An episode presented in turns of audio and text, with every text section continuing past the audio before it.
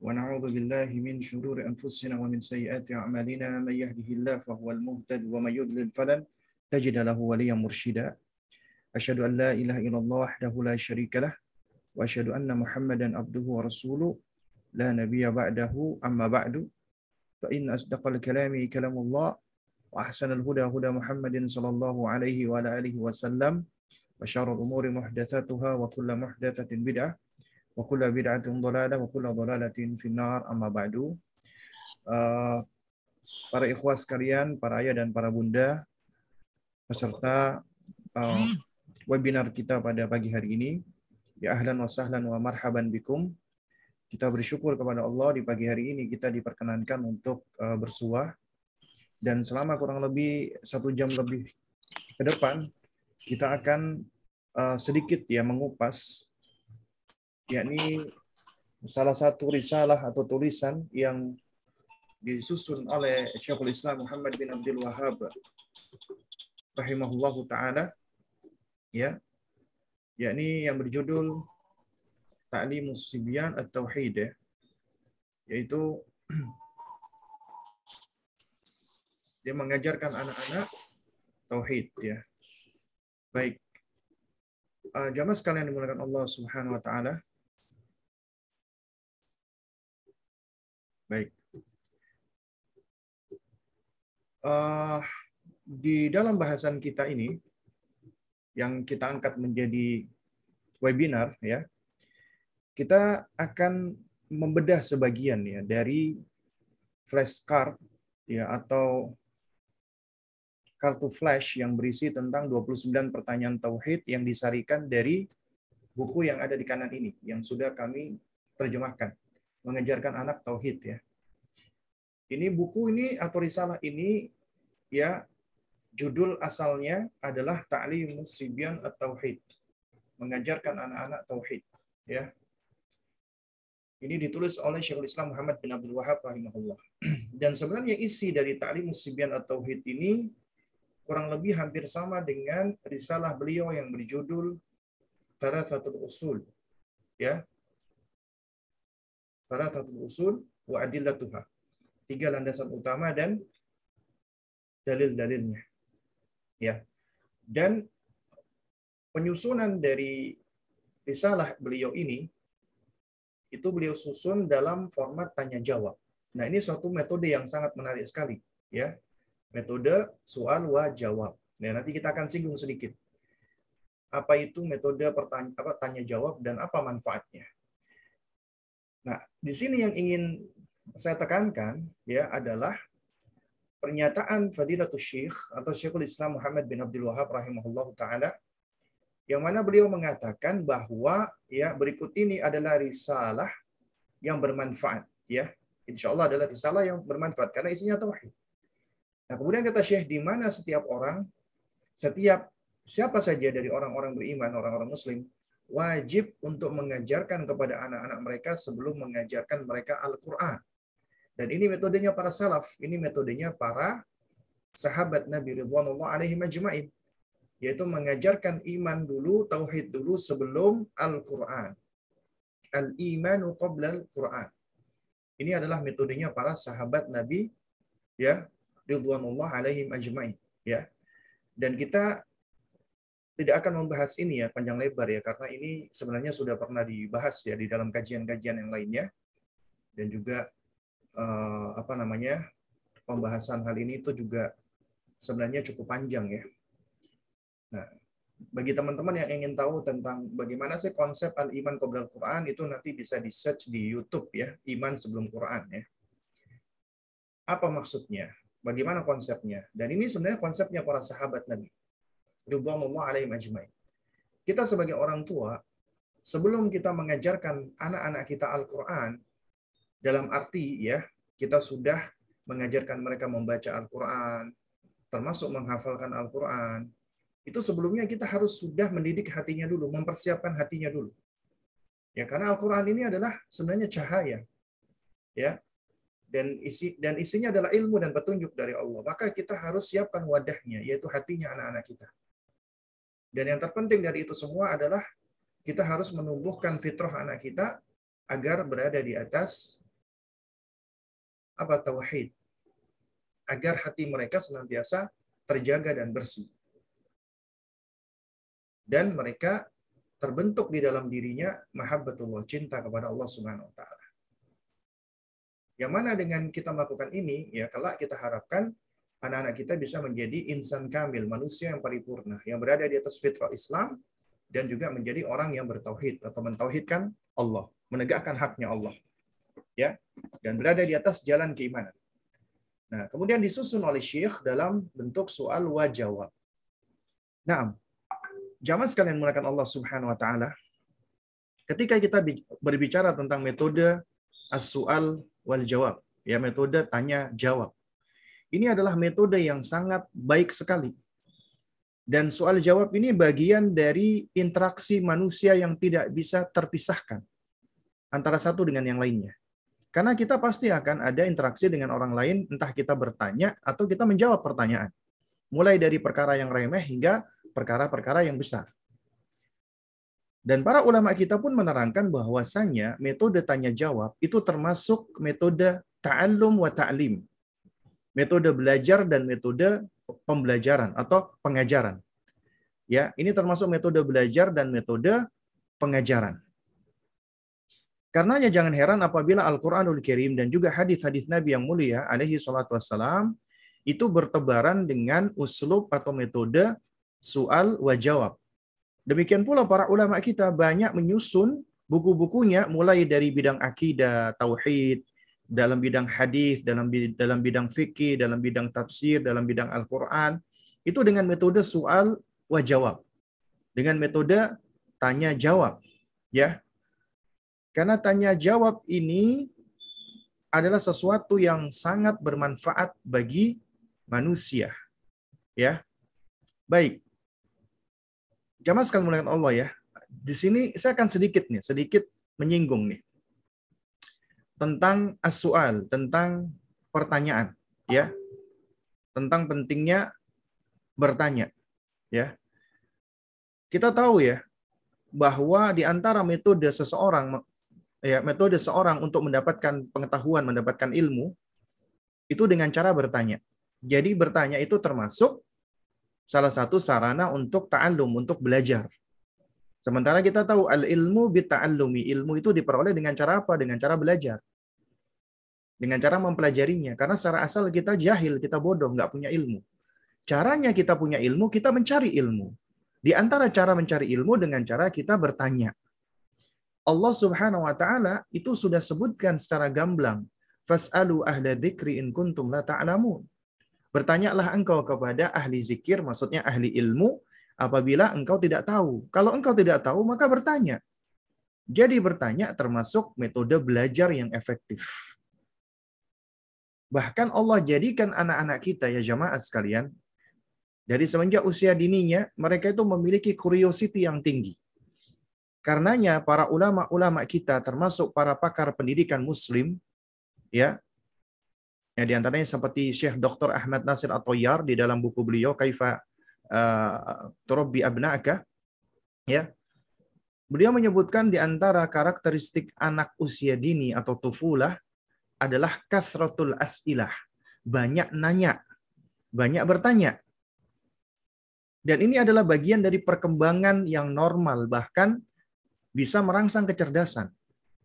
Mulai dari anak bertanya, Umi, apa itu Umi? ya kemudian juga mulai bertanya ketika di, disuruh sesuatu kenapa? Dia nanyanya kenapa mi? Kenapa? gitu. Dikit-dikit kenapa? Ya. Atau juga dia bertanya di mana? Kapan? Ya. Itu semua bagian dari suatu hal yang tidak terpisahkan. Dan ini proses manusia untuk memahami dengan metode bertanya. Dan di dalam pendidikan Islam ya metode bertanya itu penting sekali. Ya metode yang sangat penting sekali.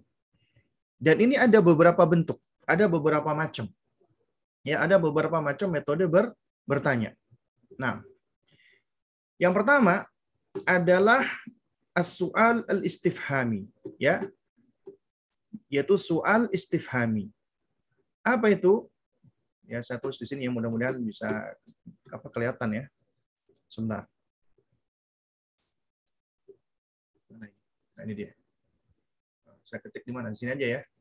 Nah, yang pertama adalah soal istifhami. Satu sini istifham. Ya. Masuk, masuk.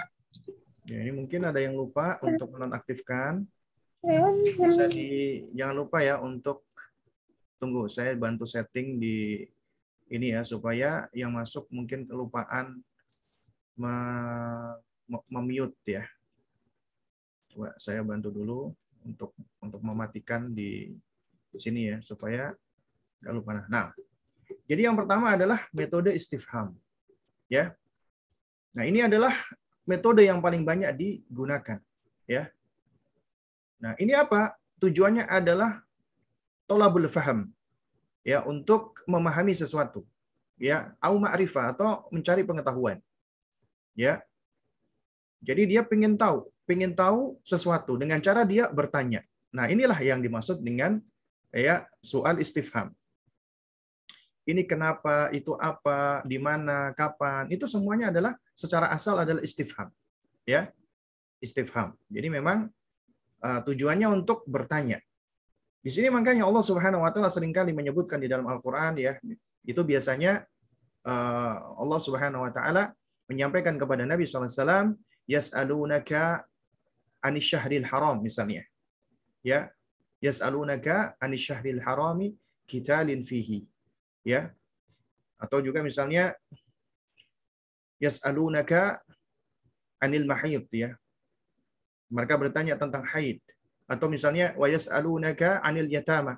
Mereka bertanya tentang anak-anak yatim atau wa yas'alunaka anil ahillah. Mereka bertanya tentang hilal. Nah, jadi ini adalah apa? Memang tujuannya untuk bertanya. Tujuannya untuk mencari tahu. Itu istifham. Yang kedua, ada yang namanya pertanyaan itu maksudnya inkari, ya. Untuk mengingkari, ya. Untuk mengingkari sesuatu. Itu dengan kalimat tanya, ya. Dengan kalimat tanya. Misalnya di dalam Al-Qur'anul Karim, Allah Subhanahu wa taala ketika berfirman, "Was'al man arsalna min qablika min rusulina ya aja'alna min duni rahmani alihatan yu'badun ya. Nah, ini adalah kalimat pertanyaan ingkari. Kalimat tanya dalam rangka untuk untuk mengingkari gitu loh, untuk menolak ya. Was'al man arsalna min qablina. Ya tanyakan kepada ya mereka para rasul yang kami utus sebelum engkau ya. Min rusulina dari para utusan kami. Jadi mereka disuruh tanya orang-orang musyrikin, orang-orang kafir, coba tanya deh kepada para nabi dan para rasul sebelumnya atau cari ya. Ada nggak sih ajaran-ajaran yang dari mereka yang yang mengajarkan uh, kalian untuk menyekutukan Allah Subhanahu wa taala ya. Nah, ini juga banyak sebenarnya ya bentuk-bentuk uh, kalimat tanya tapi dalam rangka untuk mengingkari gitu loh. Ya, dalam rangka untuk mengingkari sesuatu. Misal contoh ya dalam sehari-hari kita bisa bilang ya, kita bisa ngomong ya, nak, ya, apakah kamu bisa berhasil kalau kamu nggak belajar gitu loh. Ya, jadi itu adalah kalimat seperti tanya, tapi sebenarnya ya mengandung apa pengingkaran sebenarnya, ya. Nah, kemudian yang ketiga, ya apabila di situ ada ingkari, maka di sini ada takriri, ya. Nah, ini kalau di situ ada pengingkaran, di situ juga ada kalimat pertanyaan dalam rangka untuk apa? Untuk menetapkan takrir. Ya, kebalikan dari ingkari. Ya. Nah, contoh misalnya dalam firman Allah Subhanahu wa taala ketika Allah menerangkan bahwasanya orang-orang musyrikin di zaman dahulu mereka itu ternyata menetapkan tauhid rububiyah. Meskipun mereka ternyata menyekutukan Allah di dalam tauhid uluhiyah. Tapi kalau ditanya wala in sa'altahum man khalaqas samawati wal arda la yaqulunna Allah. Qul alhamdulillah bal aktsaruhum la ya'lamun. Apabila engkau bertanya kepada mereka wahai Muhammad, siapa yang menciptakan langit dan bumi? Niscaya mereka akan menjawab dengan tegas Allah. Maka katakanlah alhamdulillah. Ya. Dan kebanyakan mereka itu tidak mengetahui. Nah, ayat ini menunjukkan bahwasanya uh, apa namanya? Mereka itu tahu Allah menciptakan gitu loh. Ya. Nah, ini ini termasuk kalimat apa namanya? Kalimat uh, tanya tapi dalam rangka untuk takrir. Ya mereka menetapkan tauhid rububiyah. Dan yang menarik di sini kata para ulama ketika diterangkan tentang uslub takriri ya itu uh, apa namanya? ini menunjukkan bahwasanya apabila datang suatu nafi, nafyun ya apa penafian ya dan penafian ini menafikan yang lain maka itu jatuhnya kepada takrir ya jadi apabila jatuh nafiun, penafian dan penafian ini adalah menafikan sesuatu yang dinafikan, maka itulah takrir.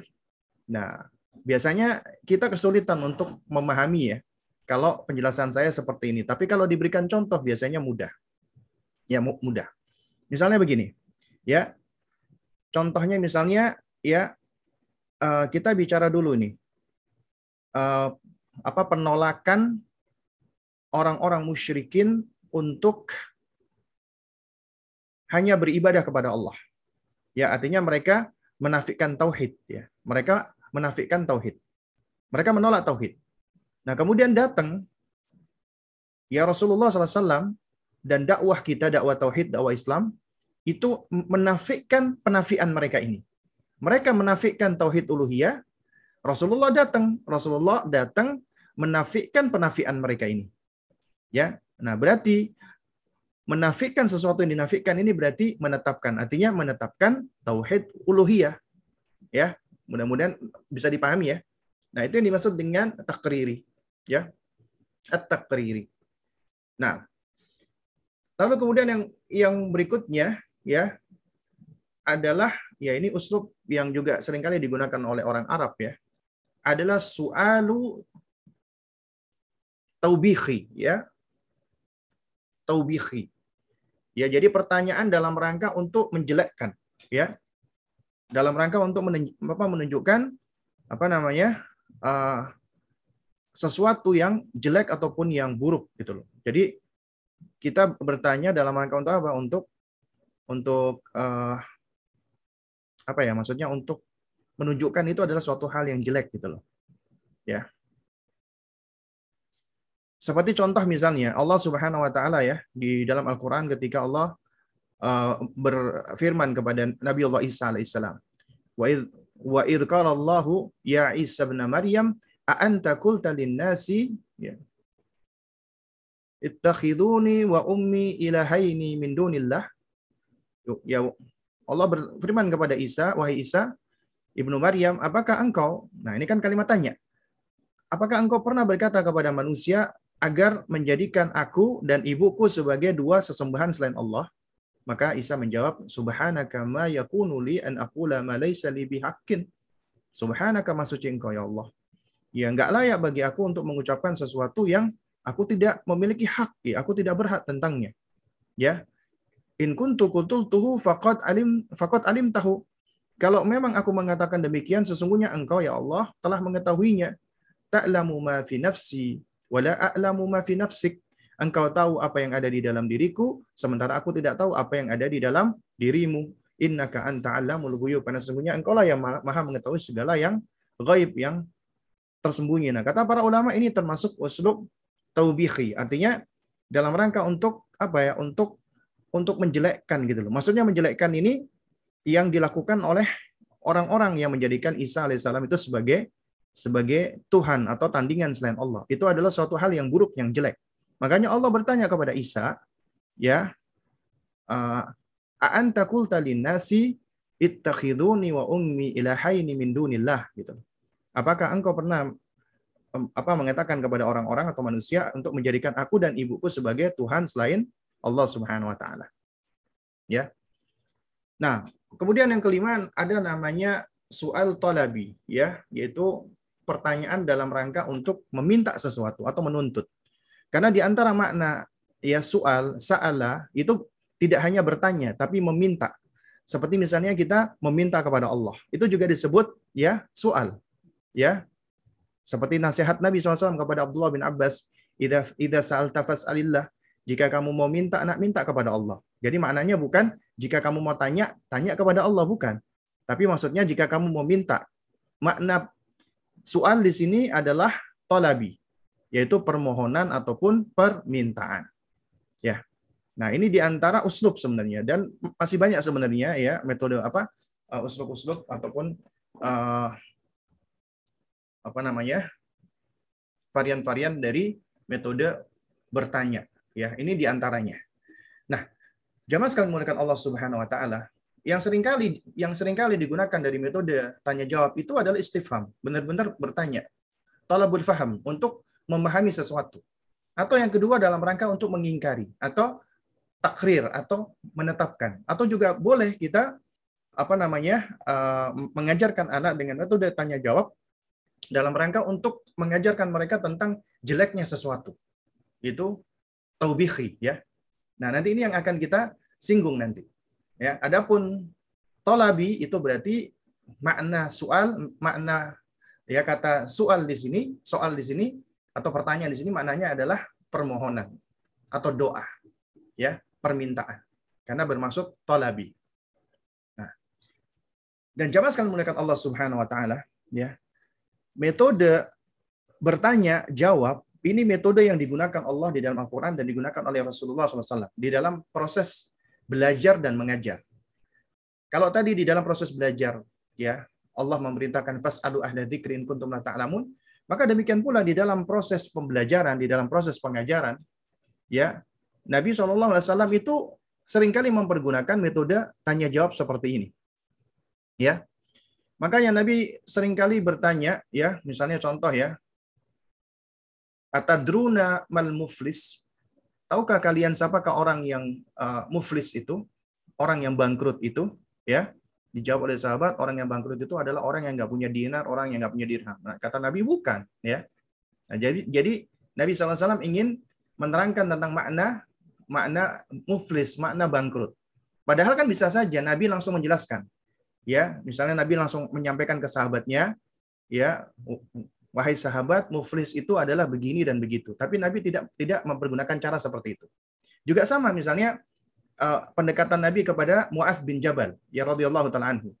Ya, Muaz bin Jabal menceritakan kuntu rodifan Nabi wasallam. Aku pernah dibonceng oleh Nabi wasallam.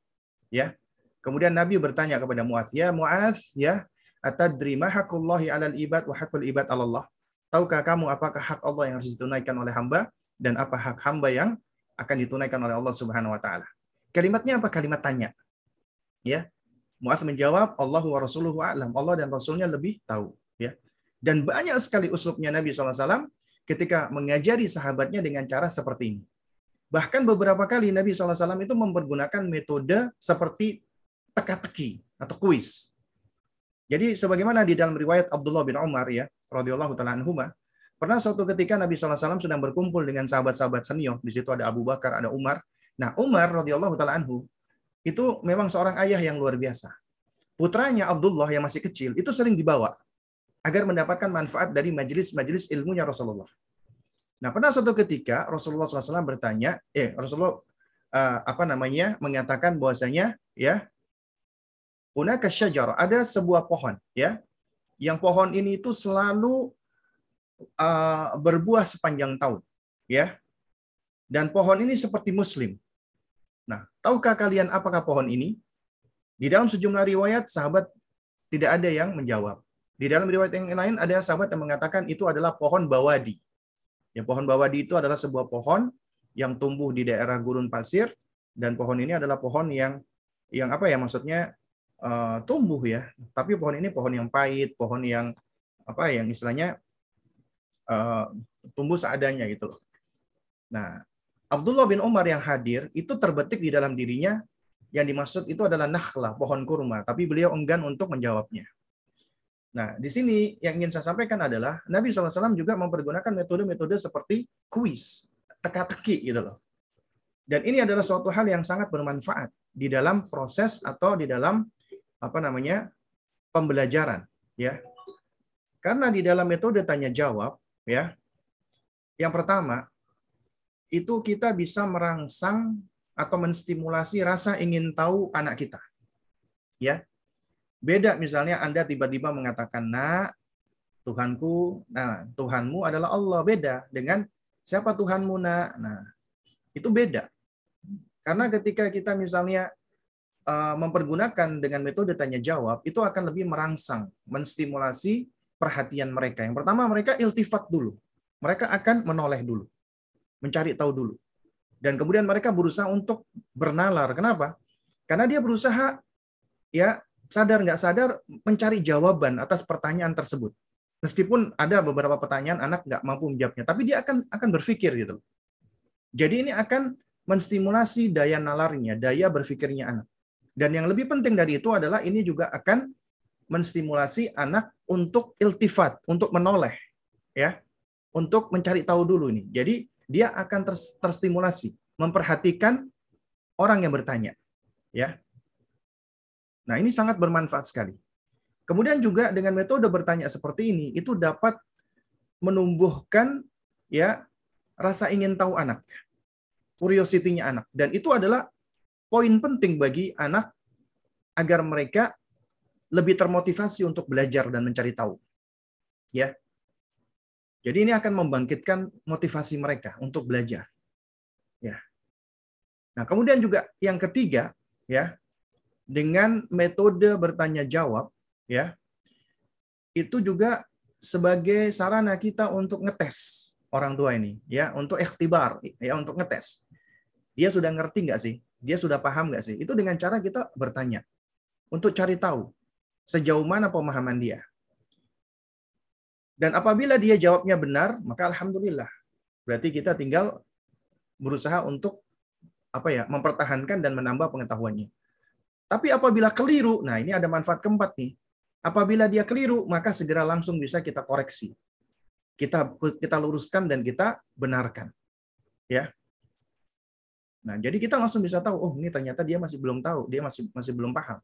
Maka kita langsung segera bisa bisa mengoreksinya dan bisa menambah apa namanya pengetahuan. Artinya di dalam metode bertanya itu ada ada manfaat untuk apa? Untuk untuk ngetes gitu loh. Untuk ikhtibar, latihan. Dan juga di, dengan metode tanya jawab itu ada manfaat yang kelima yaitu manfaat tikrori, repetisi mengulang-ulang. Ya. Dan ini tentunya akan lebih menguatkan memorinya dia.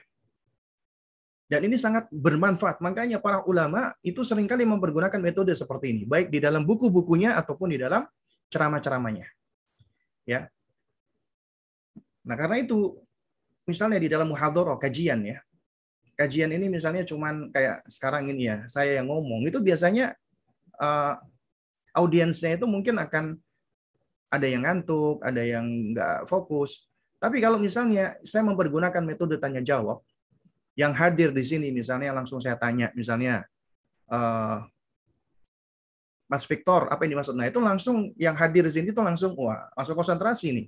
Aku ntar lagi ditanya. Nah, tapi kadang-kadang hal ini bisa menyebabkan orang menjadi enggan. Waduh, aku nanti ditanya.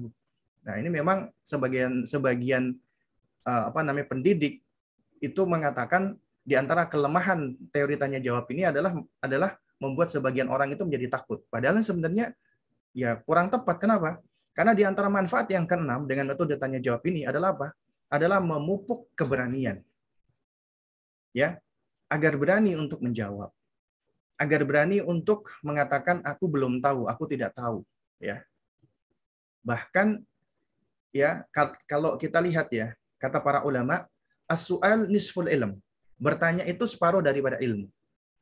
Juga demikian bahwasanya fahmus su'al nisful jawab. Ya, memahami pertanyaan itu adalah separuh dari jawaban. Ya, jadi bertanya itu separuh dari ilmu. Sementara memahami pertanyaan itu adalah separuh dari dari jawaban. Ya. Karena apabila seorang bertanya, kemudian kita memahami pertanyaannya itu adalah ya separuh langkah dari dari jawaban gitu. Ya.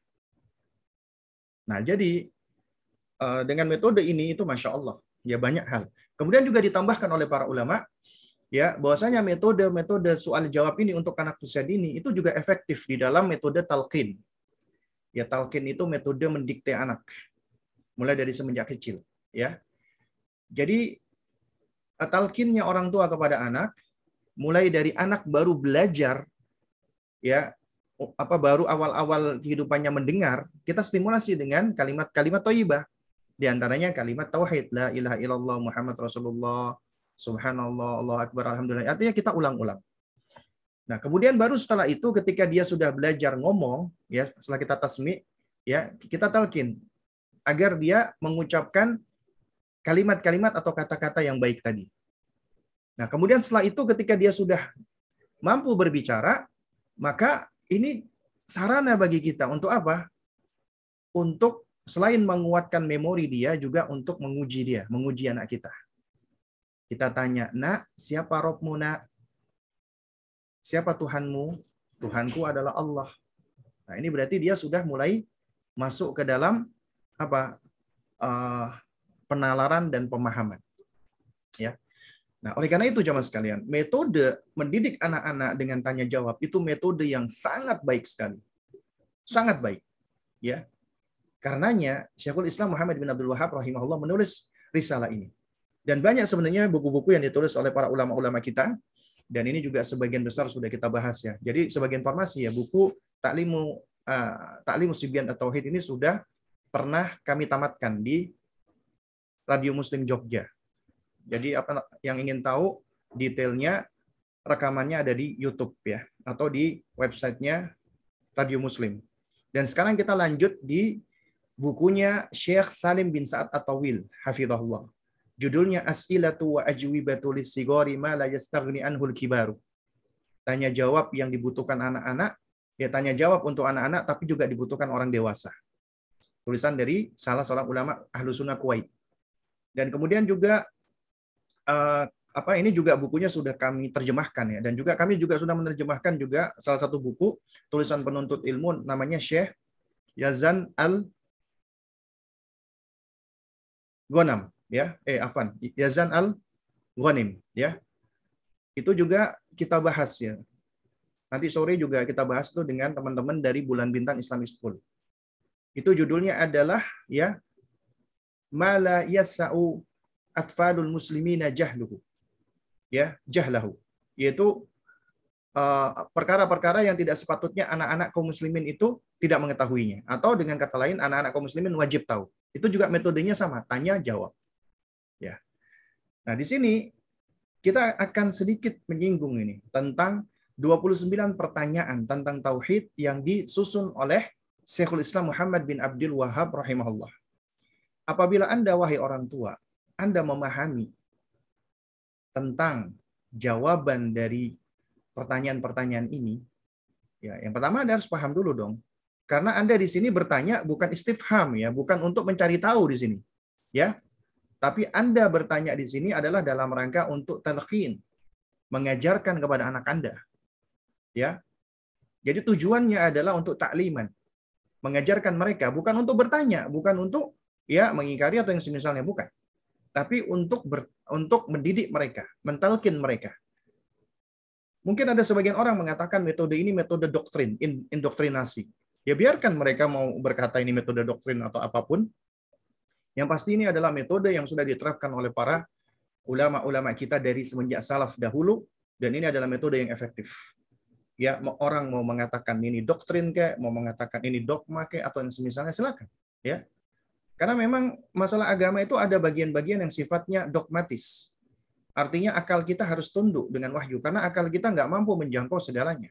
Apalagi dalam masalah akidah dan tauhid. Yang ada adalah kita harus menundukkan ya seluruhnya perasaan kita, emosi kita, tubuh kita, hati kita, termasuk akal kita, logika kita, rasio kita harus tunduk kepada wahyu. Allah yang menciptakan ya kita dan berikut logika kita. Maka kita harus menundukkannya.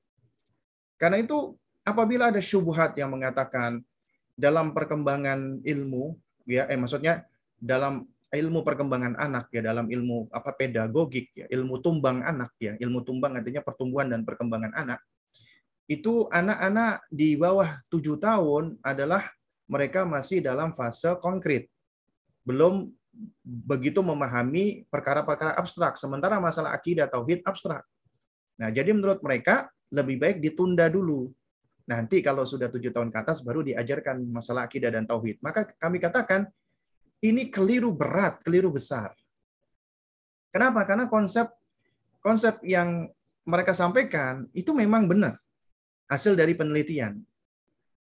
Anak-anak itu memang mereka belum memiliki kemampuan untuk memahami perkara yang abstrak. Ini memang suatu hal yang kita nggak apa itu suatu hal yang nggak kita pungkiri gitu loh. Memang demikian. Karena untuk memahami perkara abstrak ya, termasuk perkara-perkara goib, itu membutuhkan penalaran dan daya nalar manusia umumnya ya atau anak-anak itu ketika usianya sudah mencapai tujuh tahun ke atas. Makanya disebut dengan mumayyiz. Ya. Sebenarnya itu itu tidak menyelisihi ya kalau kita lihat dari hasil observasi dan penelitian itu tidak menyelisihi uh, fase perkembangan yang bisa kita gali dari Al-Quran dan dari hadis Nabi SAW dan ini juga disebutkan oleh oleh para ulama. Tapi yang keliru adalah apa? Adalah ketika seseorang melihat konsep seperti ini akhirnya mereka menunda untuk mengajarkan akidah dan tauhid. Itu malah keliru berat, keliru besar. Kenapa? Karena malah di usia dini itulah yang paling penting. Us, apa itu adalah fase di mana kita ya men, menumbuhkan dan menyuburkan fitrah mereka. Di antaranya dengan cara apa? Dengan cara kita mentalkin, mentasmi dan mentalkin. Mau disebut ini dogma, doktrin silakan. Ya, tapi ini adalah suatu hal yang kita dapatkan dari Al-Quran dan Sunnah dan inilah yang akan menyuburkan fitrah mereka.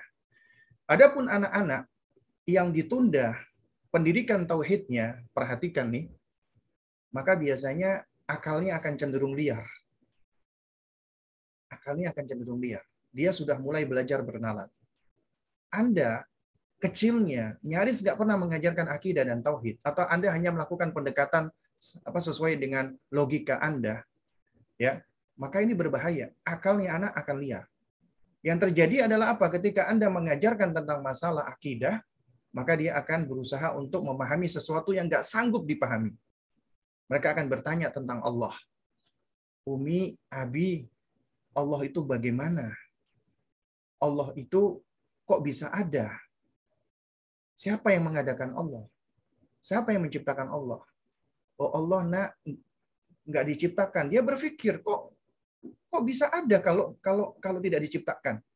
Ini sesuatu hal yang akal kebanyakan manusia nggak mampu menjangkau. Akhirnya dia berusaha untuk apa? Memikirkan sesuatu yang nggak bisa dijangkau oleh akalnya. Memahami tentang Allah dengan akalnya yang sempit. Dan ini akan mudah dimasuki oleh syaitan. Karena memang ada riwayat dari hadis Nabi SAW ya, di antara cara syaitan untuk memalingkan manusia adalah manusia diajak berpikir tentang zatnya Allah.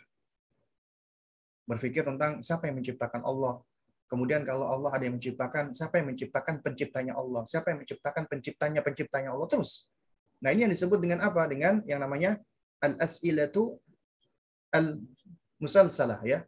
Jadi pertanyaan-pertanyaan yang nggak akan ada ujungnya, ya, atau istilahnya infinite question. Jadi pertanyaan yang nggak akan ada ujungnya. Kenapa?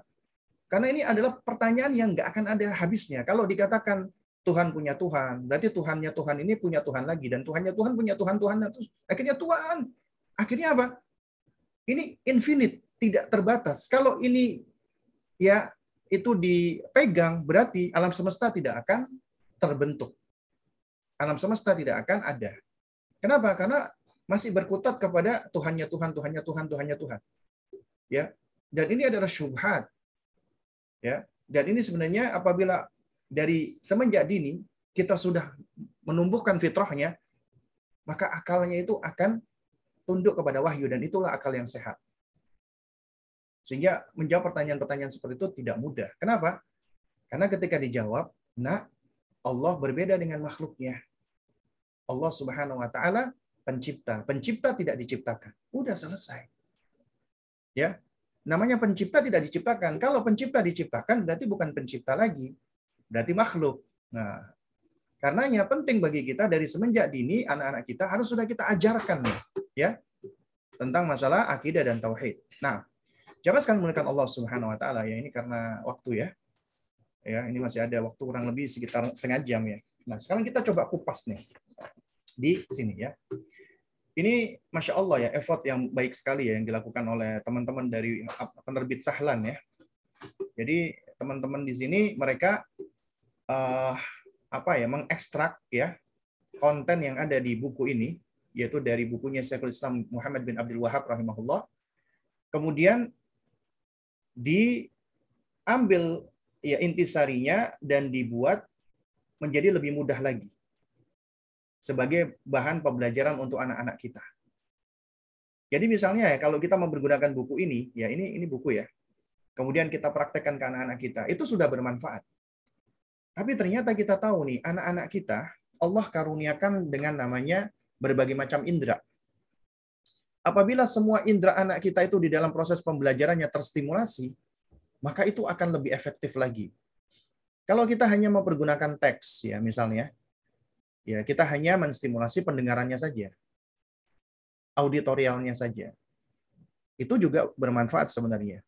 Tapi apabila kita iringi juga dengan menstimulasi visualnya, penglihatannya, Allah juga memberikan dia al-absar penglihatan jadi terstimulasi pendengaran dan penglihatannya, maka itu akan lebih efektif lagi.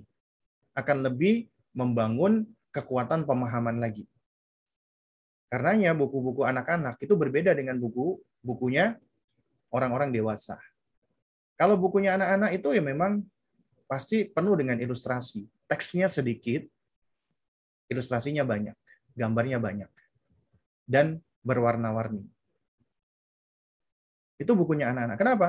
Karena mereka sebenarnya masih belum mampu untuk membaca, tapi mereka sudah belajar untuk memahami ini, memahami apa namanya huruf.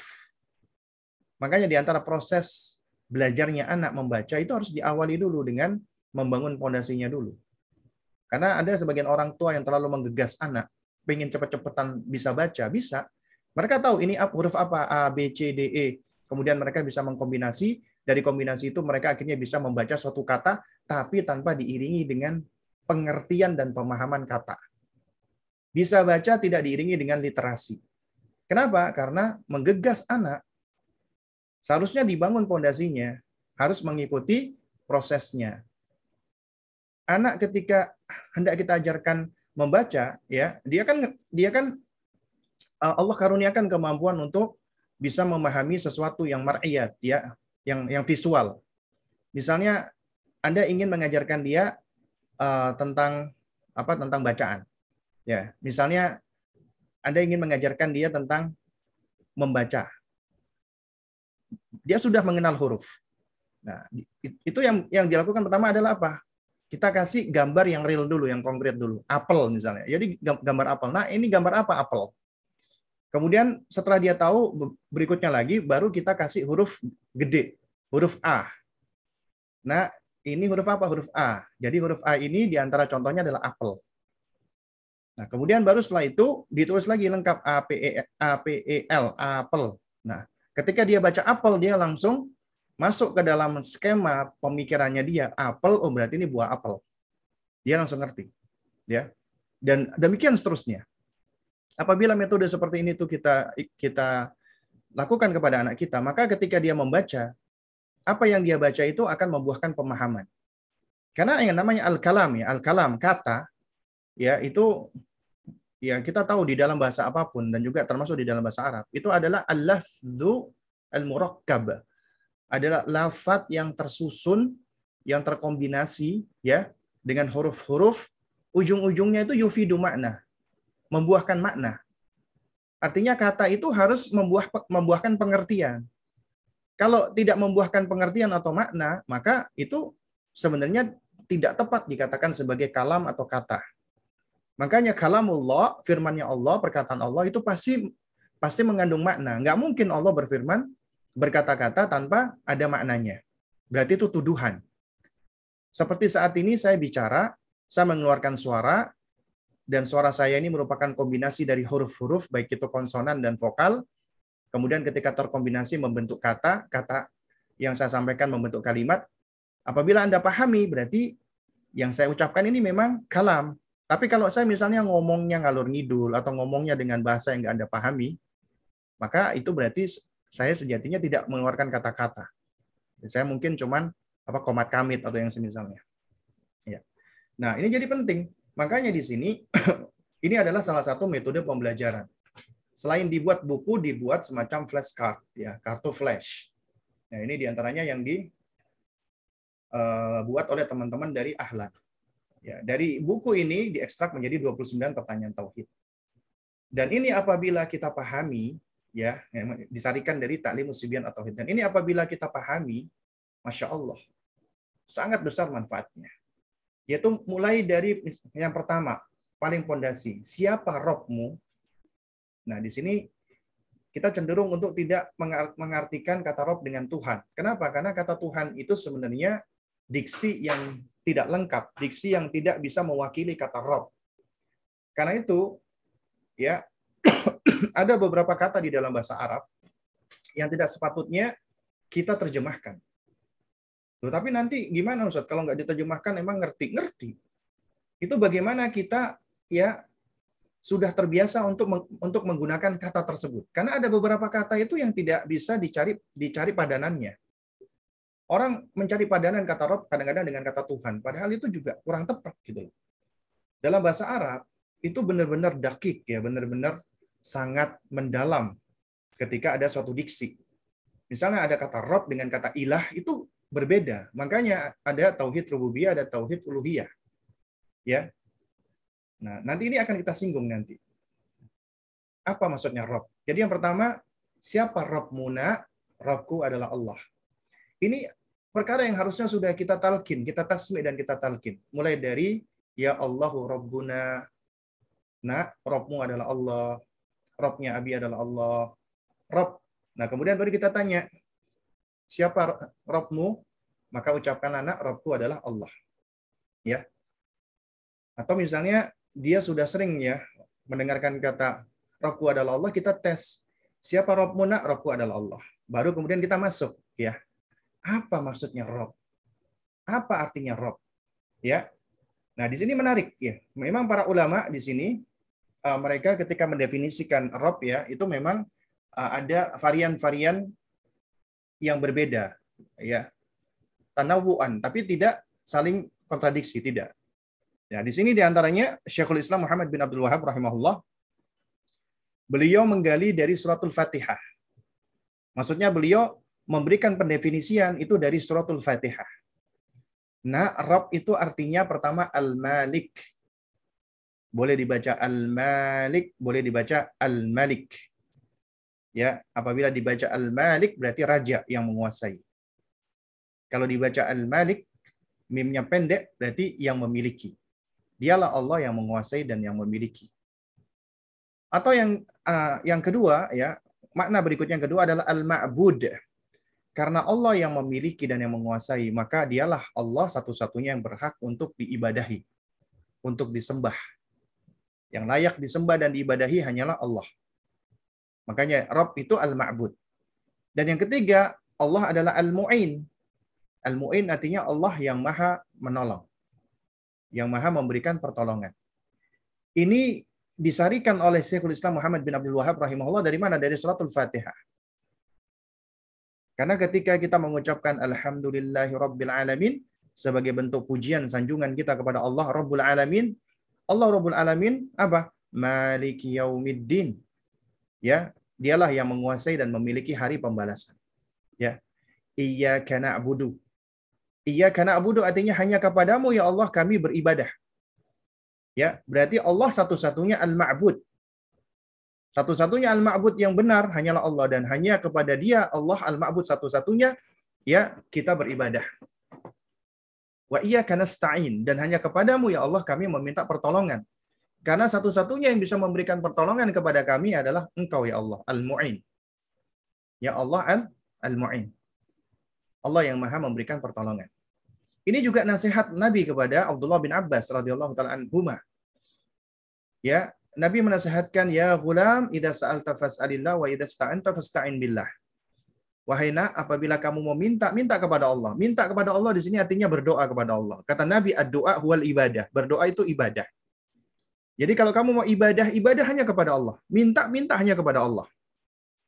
Karena Allah lah satu-satunya yang berhak untuk dipinta. Karena Allah lah satu-satunya al-ma'bud yang diibadahi. Wa fasta'in billah. Apabila kamu ingin meminta pertolongan, maka minta pertolongan kepada Allah. Karena yang bisa menolong kamu nak hanyalah Allah. Ini luar biasa. Ketika kita mengajarkan dan memahami maknanya. Karena ketika kita mengatakan Allah adalah Rob kita, berarti Allah yang memiliki kita, nak. Allah yang menguasai kita.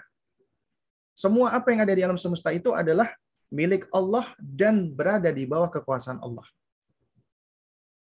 Dan karena itulah Allah satu-satunya yang harus kita sembah. Gak boleh kita menyembah kepada selain Allah. Dan itu haknya Allah.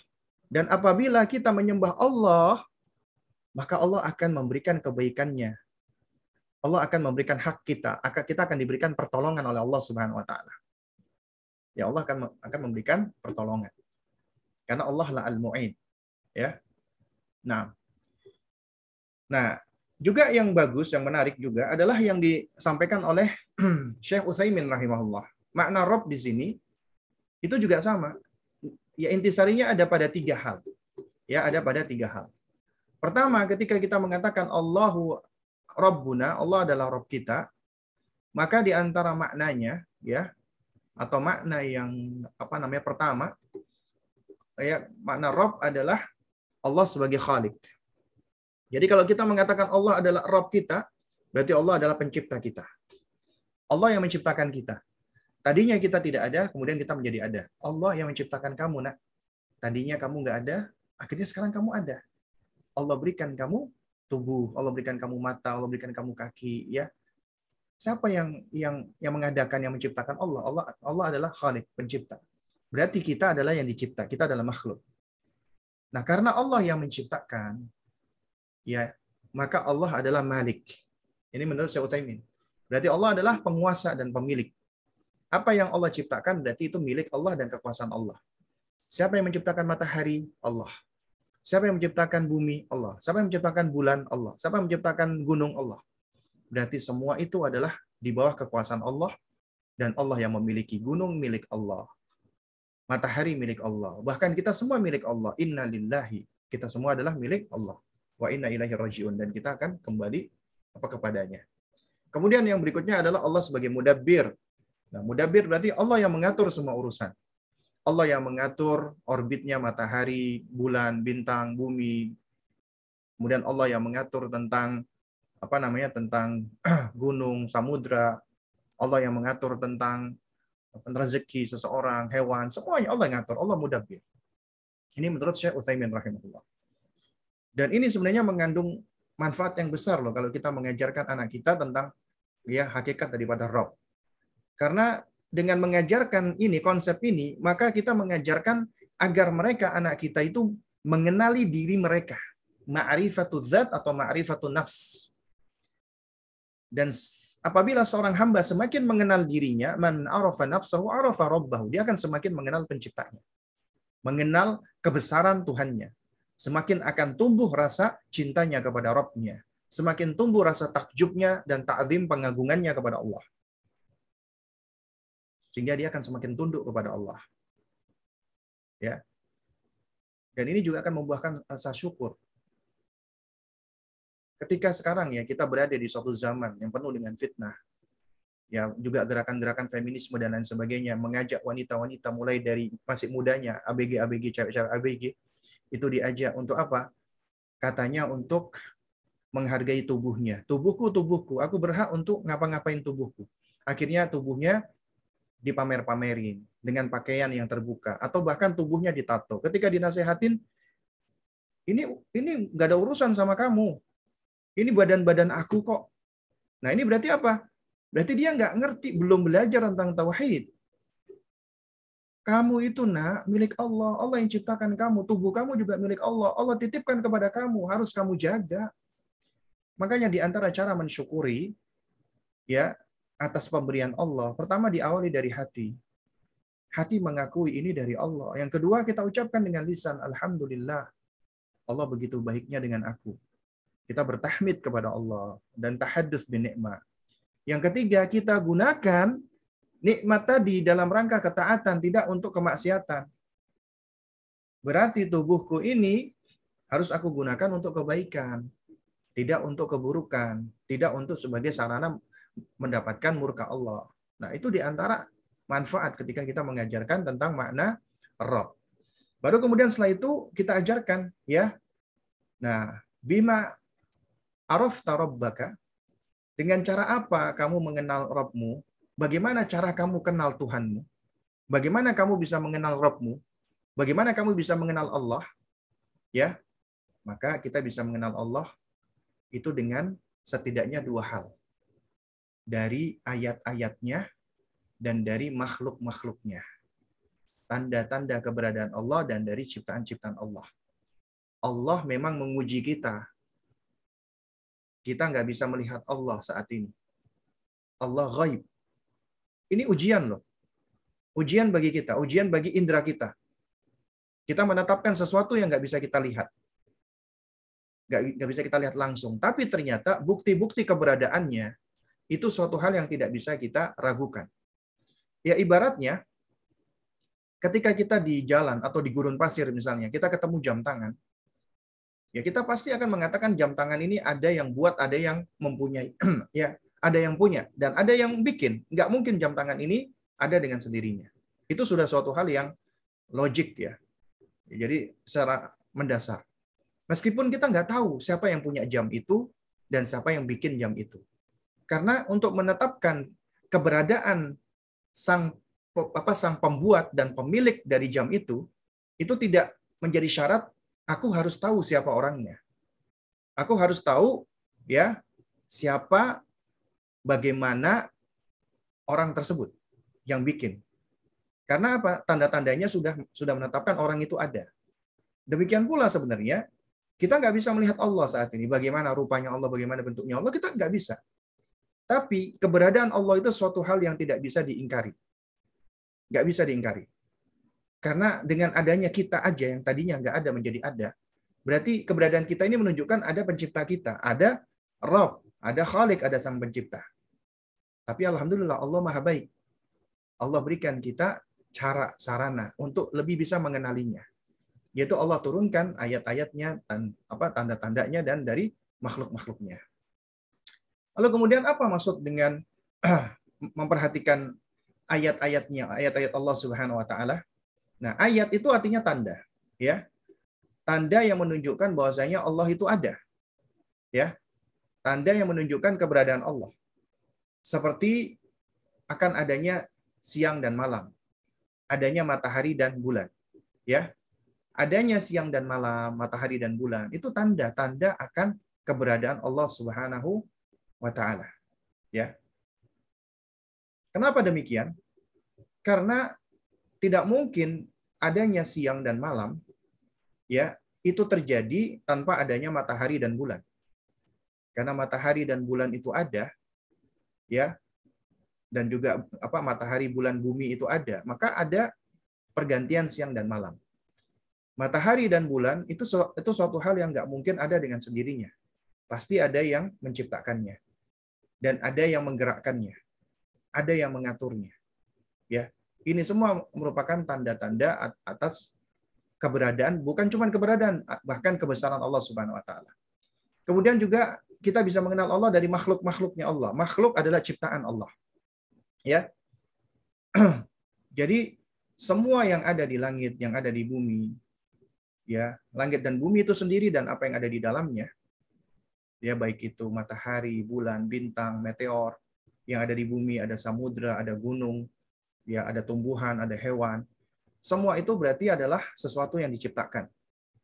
Dan berarti kalau ada yang diciptakan berarti ada ada pencipta. Siapa penciptanya? Allah Subhanahu wa taala, ya. Nah, nah baru setelah kita tahu nih kita ada karena ada pencipta, pencipta kita adalah Allah, baru kemudian kita ajak ke berikutnya lagi, yaitu suatu hal yang lebih yang lebih penting. Berarti keberadaan kita ini ada tujuannya dong.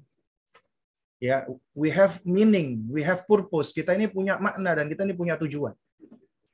Ya, karena nggak mungkin kita ada di muka bumi ini cuma sekedar ada, kemudian kita mati selesai. Nggak ada misinya, nggak ada tujuannya, nggak ada fungsinya, nggak ada perannya, nggak mungkin. Seakan-akan Tuhan itu cuma iseng-iseng doang gitu loh, mencipta. Kayak nggak ada kerjaan ya seakan-akan seperti itu. Ini adalah anggapan sebagian orang-orang kafir orang-orang yang mengalami disorientasi dengan tujuan hidupnya. Nah berarti ketika kita diciptakan pasti kita punya tujuan Nah, tujuan inilah yang harus kita ajarkan kepada anak kita mulai dari semenjak dini. ya. Jadi setelah mereka mengenal bahwasanya diri mereka adalah makhluk dan diri mereka diciptakan dan kemudian ada Allah yang menciptakan diri mereka, nah berarti Allah ini punya tujuan menciptakan kita. Maka kita ajarkan untuk apa tujuannya Allah menciptakan kamu, nak? Tidak lain yang tidak bukan adalah dalam rangka untuk beribadah ya untuk beribadah hanya kepadanya, kepada Allah yang tidak ada sekutu baginya. Nah, di antaranya dengan melaksanakan semua perintahnya dan meninggalkan semua larangannya. Nah, berarti ini kita mengajarkan kepada anak-anak kita konsep ibadah. Nah, ini yang sering kali banyak dilalaikan oleh kita sebagai orang tua. Atau kita banyak lupa. Atau kita mungkin pengetahuannya kurang mendalam. Ya. Jadi mungkin memang ini ringkas ya. Untuk apa Allah menciptakan kamu untuk ibadah? ya. Tapi sebenarnya kalau dibahas tentang konsepsi ini, itu sangat mendalam sekali dan sangat banyak sekali faidah-faidah yang bisa yang bisa kita petik ya. Karena ketika Allah mencipta, Allah khalik, sang pencipta. Berarti ada yang dicipta. Yang dicipta adalah kita makhluk. Berarti kita yang dicipta oleh Allah ini adalah berada di bawah penguasaan Allah, berada di bawah kepemilikan Allah, berada di bawah aturan Allah. Dan Allah Subhanahu wa taala ketika menciptakan kita, ya Allah Azza wa Jalla ingin menguji kita sebenarnya. Karena sebelumnya kita ditempatkan oleh Allah di surga. Maksudnya bapak kita Nabiullah Adam alaihissalam ditempatkan oleh Allah di surga. Kemudian Allah uji ini. Allah tes siapa yang berhak untuk kembali lagi ke kampung halaman. Ya, Allah uji. Ya. Nah, kemudian di antara bentuk ujian itu adalah kita manusia ini harus menetapkan Rob kita yang tidak bisa kita lihat. Sehingga kita harus menundukkan semua yang ada di dalam diri kita, pikiran kita, rasio kita, logika kita, hati kita, tubuh kita, semuanya adalah kita harus tunduk kepada Allah kita menetapkan dan mengimani perkara yang gaib. Makanya di awal-awal surat Al-Baqarah itu dikatakan apa? Alladzina yu'minuna bil ghaibi wa yuqimuna shalah ya. Yaitu mereka orang-orang yang mengimani yang gaib.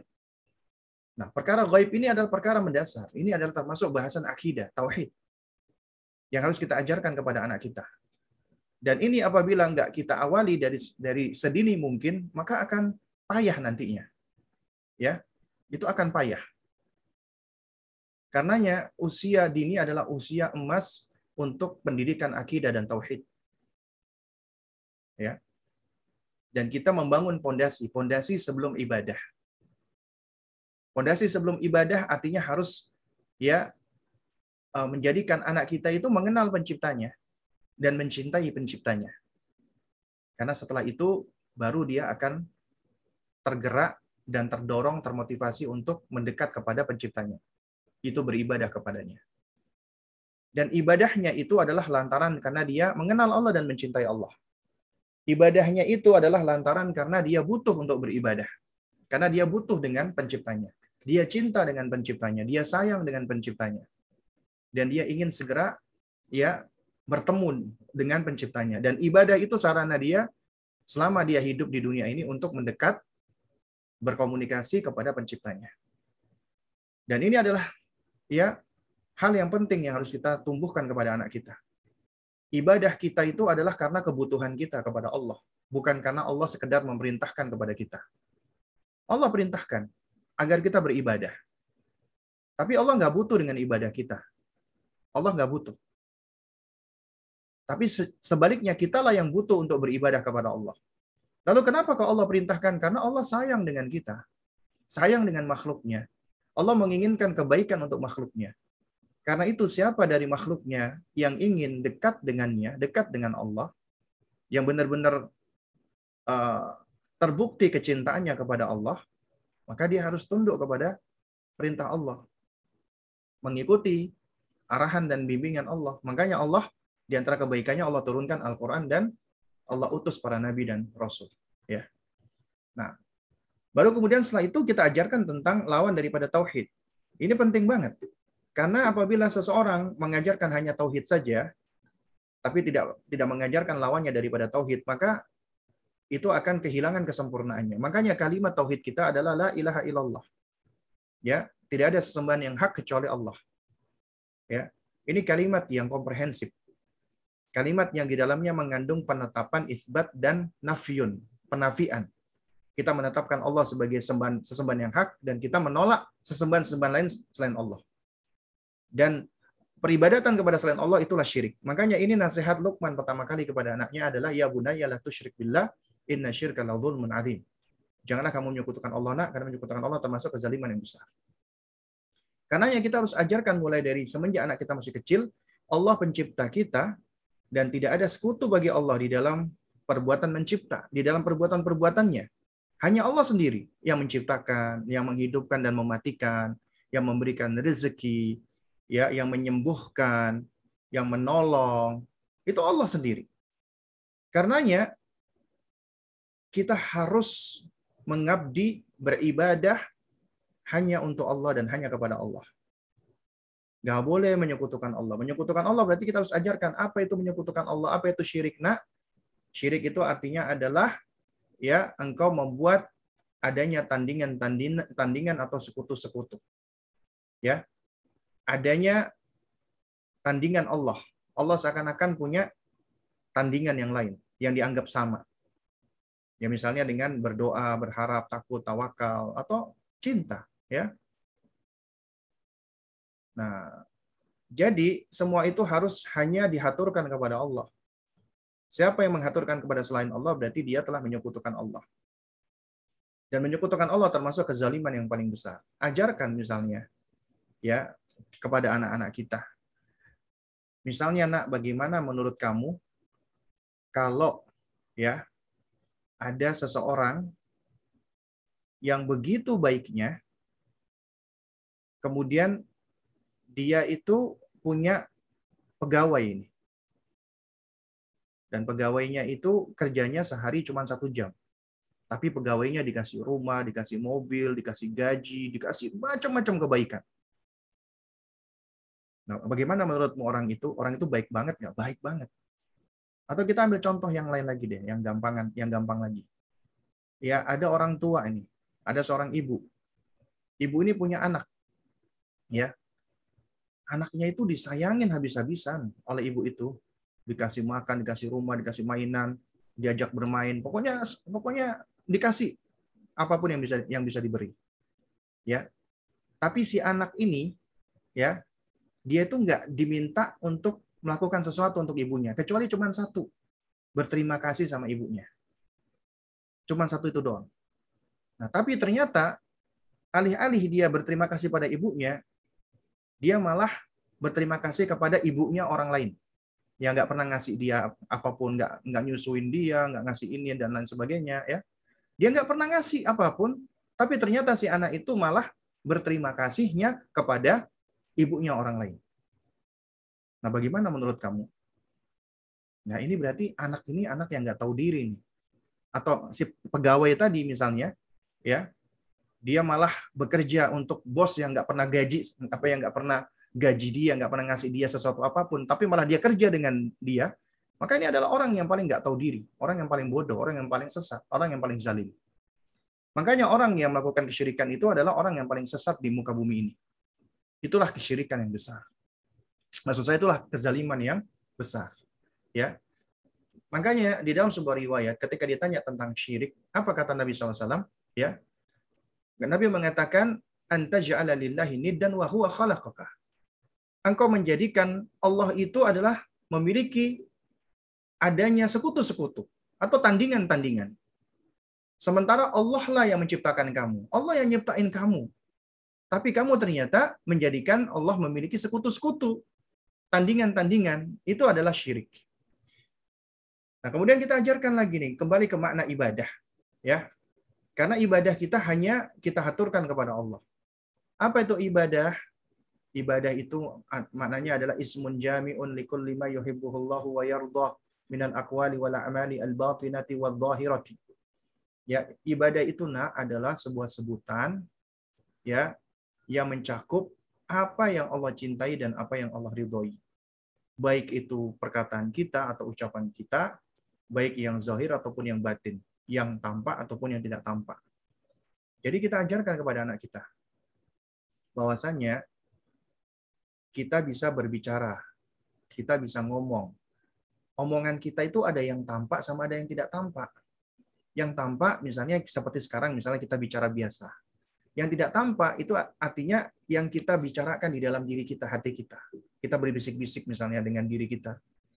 Ya, atau niat kita ingin melakukan sesuatu itu termasuk apa? Termasuk kita berbicara secara batin. Ya, artinya uh, ucapan secara batin yang tidak tampak. Nggak ada yang tahu.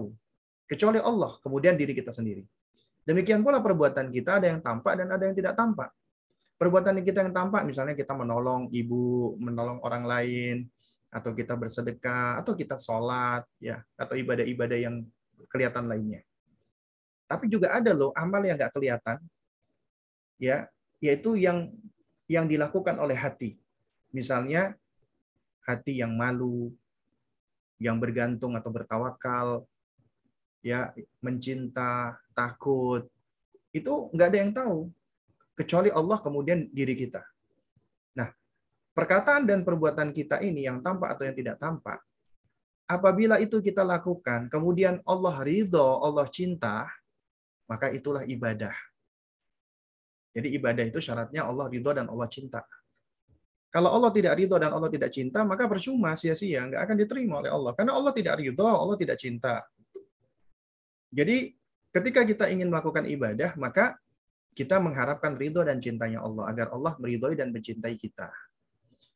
Karenanya kita nggak bisa melakukan perbuatan yang baik atau ibadah ya apabila kita tidak mencintai dan meridhoi Allah sebagai Rob kita. Artinya kita harus ikhlas. Dan keikhlasan doang nggak cukup. Kenapa? Kalau cuma sekedar kita ikhlas, tapi ternyata kita nggak tahu nih, apakah perbuatan kita ini Allah ridhoi dan Allah cintai tidak. Makanya kita butuh ilmu. Ilmunya itu yang tahu hanya manusia yang Allah jadikan sebagai utusan, yaitu Rasulullah. Jadi Rasulullah yang paling tahu tentang apa yang Allah ridhoi dan apa yang Allah cintai. Kalau kita ingin mendapatkan keridhaan dan kecintaan Allah, maka kita ikuti Rasulullah. Itu mutabaah, mencontoh beliau. Sallallahu Alaihi Wasallam. Nah, nah kemudian baru setelah itu kita ajarkan ya tentang macam-macam ibadah. Di antara ibadah yang paling utama itu apa? Doa. Jadi doa. Doa itu kamu meminta kepada Allah, kamu bicara kepada Allah, kamu curhat kepada Allah, kamu bermunajat, berbisik-bisik kepada Allah. Doa, ajarkan. Karenanya doa nggak boleh kita haturkan kecuali hanya kepada Allah. Kemudian apa yang pertama kali diwajibkan Allah untuk kita hamba-hambanya? ya maka kita katakan yaitu al-imanu billah ya yaitu kita beriman kepada Allah dan kita al-kufru bitaghut kita kufur kepada tauhid ya cicitnya Rasulullah ya cucunya Sayyidina Ali radhiyallahu taala yang bernama Zainal Abidin beliau punya anak dari semenjak kecil anaknya itu ditalkin Nah, ucapkan aman tu billah ya wa kafartu bitaghut. tu billah wa kafartu bitaghut.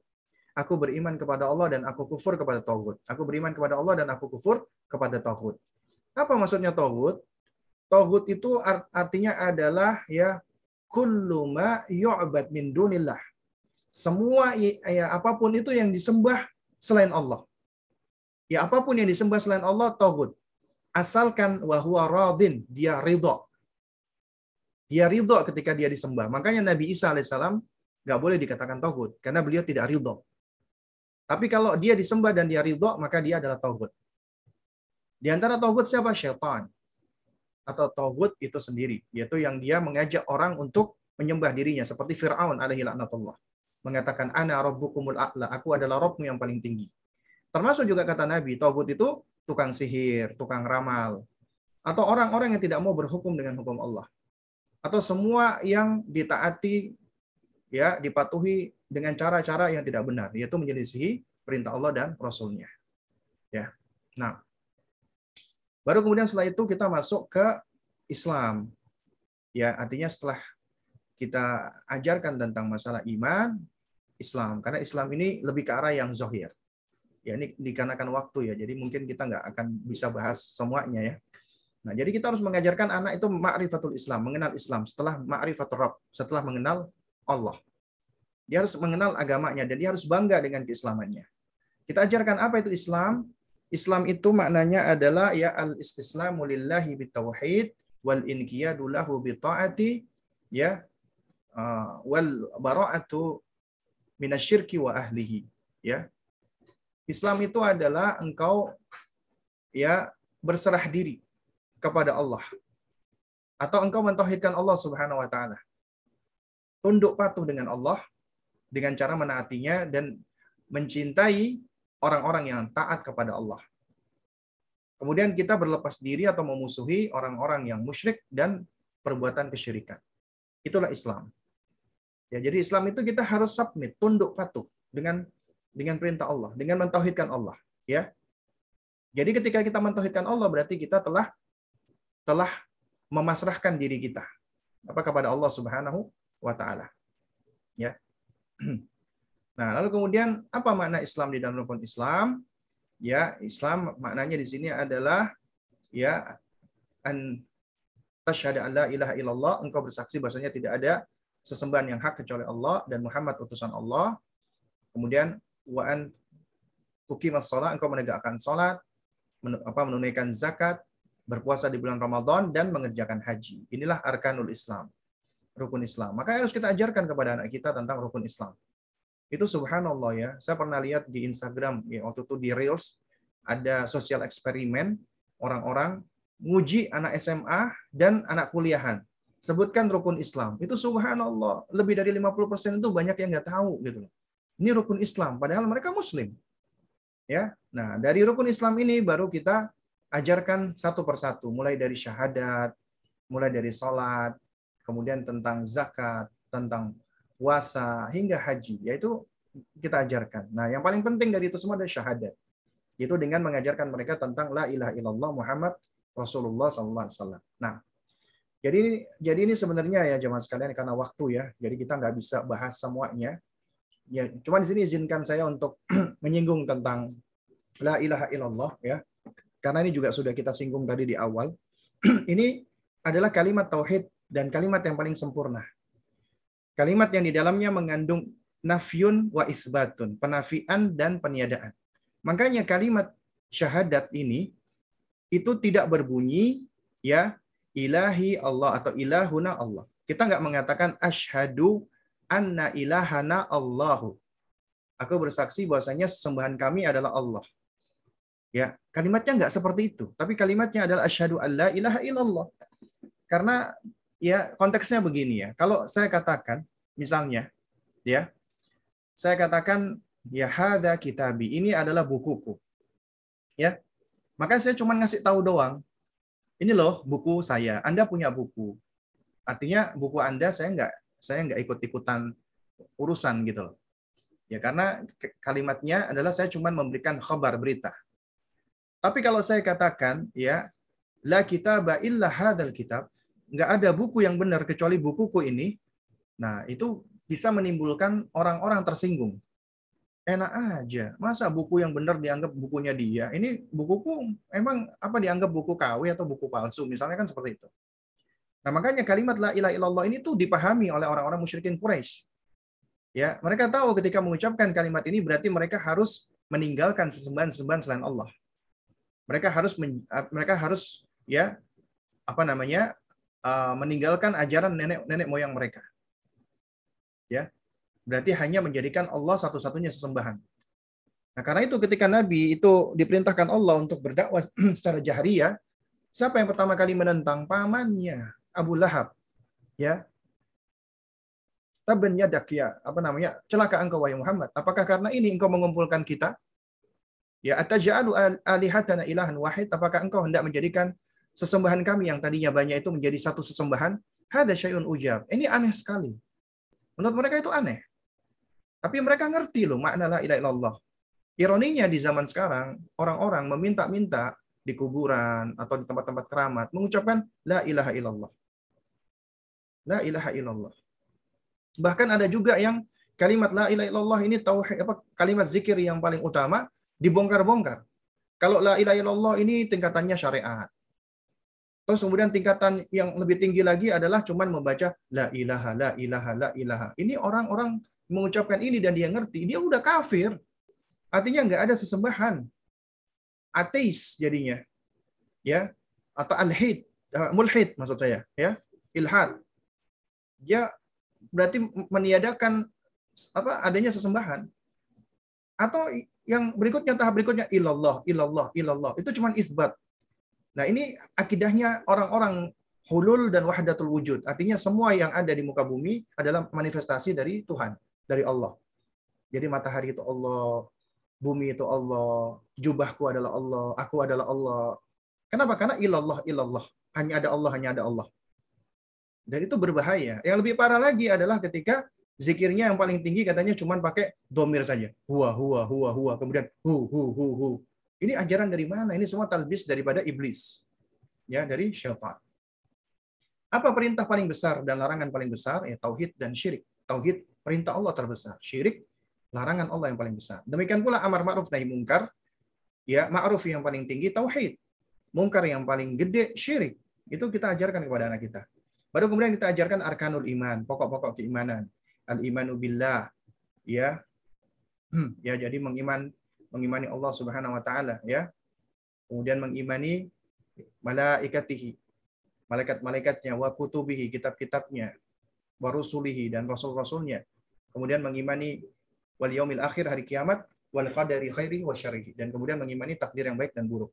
Ini sebenarnya juga sudah pernah saya sampaikan kajiannya ya tentang bagaimana sih mengajarkan anak iman kepada Allah, iman kepada malaikat, iman kepada kitab-kitab dan seterusnya ya.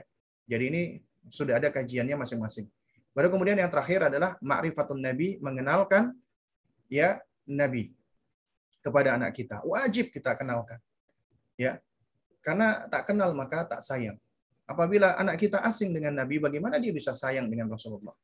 Maka kita ajarkan siapa nabi muna? Nabiku adalah Muhammad bin Abdullah bin Abdul Muttalib ya bin Hashim bin Abdul Manaf. Ya ini mungkin perlu dikoreksi ya yaitu bin Hashim bukan bin Hisham. Ini ada kesalahan sedikit ya. Nah, lalu kemudian bagaimana garis keturunan Nabi SAW? Ya, jadi secara secara global kita ajarkan beliau adalah dari suku Quraisy dan suku Quraisy itu ya adalah keturunan dari Nabiullah Ismail alaihissalam dan berarti dari keturunannya Nabi Ibrahim alaihissalam. Apa yang diturunkan kepada Nabi SAW tidak lain dan tidak bukan adalah Al-Quran dan Al-Hikmah. Al-Hikmah itu adalah wahyu dari Allah Subhanahu wa taala yang Allah Subhanahu wa taala ilhamkan apa kepada Nabi sehingga itu menjadi apa sunnah ya. Maka sunnah itu maknanya adalah ya kullu ma udhifa ila Nabi sallallahu alaihi wasallam min qaulin wa fi'lin wa taqririn wa sifatil khalqiyah wa khuluqiyah. Segala sesuatu yang disandarkan kepada Nabi baik itu ucapan, perbuatan, persetujuan ataupun sifat fisik atau sifat perangai Nabi. Kemudian apa yang seruan dakwah Nabi pertama kali dan juga hingga akhir hayat beliau tidak lain dan tidak bukan adalah tauhid agar manusia meninggalkan syirik ya dan kemudian Nabi mengajak agar apa namanya agar uh, mengingkari kesyirikan melawan kesyirikan dan orang-orang yang melakukan kesyirikan agar ibadah hanyalah ikhlas untuk Allah Subhanahu wa taala. Kemudian apa di antara pokok keimanan yang dapat menyelamatkan dari kekufuran? Ya.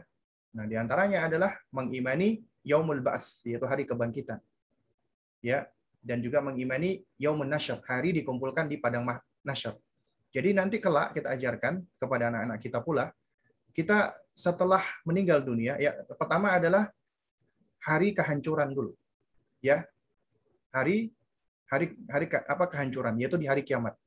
Allah perintahkan malaikat Israfil untuk meniup sangkakala mati semua makhluk. Kemudian Allah perintahkan meniup sangkakala yang kedua, maka itulah yaumul kiamah hari kebangkitan. Yaumul ba'ats, semua dibangkitkan. Ya. Kemudian mereka dikumpulkan di padang mahsyar. Itulah disebut dengan yaumun nasyar. Kemudian di, di padang mahsyar mereka menunggu untuk dibalas atas amal-amal mereka. Itulah disebut dengan yaumul jaza, hari pembalasan. Dan kemudian nanti mereka akan ditimbang seluruh amalnya dan dihitung. akan dihisap. Itulah yaumul hisab. Baru kemudian setelah itu Allah akan menentukan baginya surga atau neraka. Ya. Nah, bagaimana jika ada orang yang mengingkari hari kebangkitan, maka orang itu kafir, keluar dari Islam dan dia ketika dikatakan keluar dari Islam, maka dia akan apa kekal di dalam neraka. Karena itu, siapa yang mengingkari akan adanya hari kiamat, dia telah kafir. Dengan tujuan apa Nabi SAW diutus? Ya, beliau diutus untuk memurnikan ibadah hanya untuk Allah. Kemudian melarang ibadah ya jika diberikan kepada selain Allah. Artinya syirik dan memberikan batasan bahwasanya ibadah itu hanyalah untuk Allah Subhanahu wa taala semata. Baru kemudian ditajarkan tentang sholat, kapan dan bagaimana perintah sholat lima waktu diturunkan, itu pada peristiwa Mi'raj, yaitu di tahun kesedihan, ketika istri beliau Khadijah wafat dan paman beliau Abu Talib wafat. Beliau sedih sekali, udah susah beliau, beliau di boykot, ya, di embargo ekonomi, diancam, bunuh dan seterusnya. Kemudian orang yang beliau sayangi dan juga yang mendukung dakwah beliau wafat. Kemudian Allah hibur Nabi SAW. Yaitu Allah ya Isra dan Mi'rajkan Nabi. Dan ketika Mi'raj sampai ke Sidratul Muntaha, ya ke langit yang ketujuh, ya makanya dikatakan Sidratul Muntaha di situ tuh ada pohon sidr, ya pohon bidara yang besar. Dan beliau di situ berjumpa dengan Nabiullah Ibrahim alaihissalam dan berjumpa dengan anak-anak kecil, ya. Nah, kemudian Nabi berjumpa dengan Allah dan Allah berikan kewajiban sholat. Jadi sholat itu adalah ibadah yang eksklusif, ya ibadah yang istimewa, karena Allah langsung berikan kepada Nabi ketika Nabi sedang dimi'rajkan. Nah, kemudian baru kita belajar tentang para nabi dan rasul. Siapa rasul yang pertama dan terakhir? Ya, rasul pertama Nuh alaihissalam, rasul terakhir adalah nabi kita Muhammad sallallahu alaihi wasallam. Ya. Siapa rasul yang paling utama dan manusia yang terbaik setelah para nabi? maka tidak lain dan tidak bukan adalah para sahabat yaitu Abu Bakar, Umar, Uthman dan Ali ridwanullah alaihim, alaihim ajmain. Mereka disebut dengan al-khulafa ar-rasyidin al-mahdiyyin. Siapa generasi yang terbaik? Generasi terbaik adalah generasi salaf.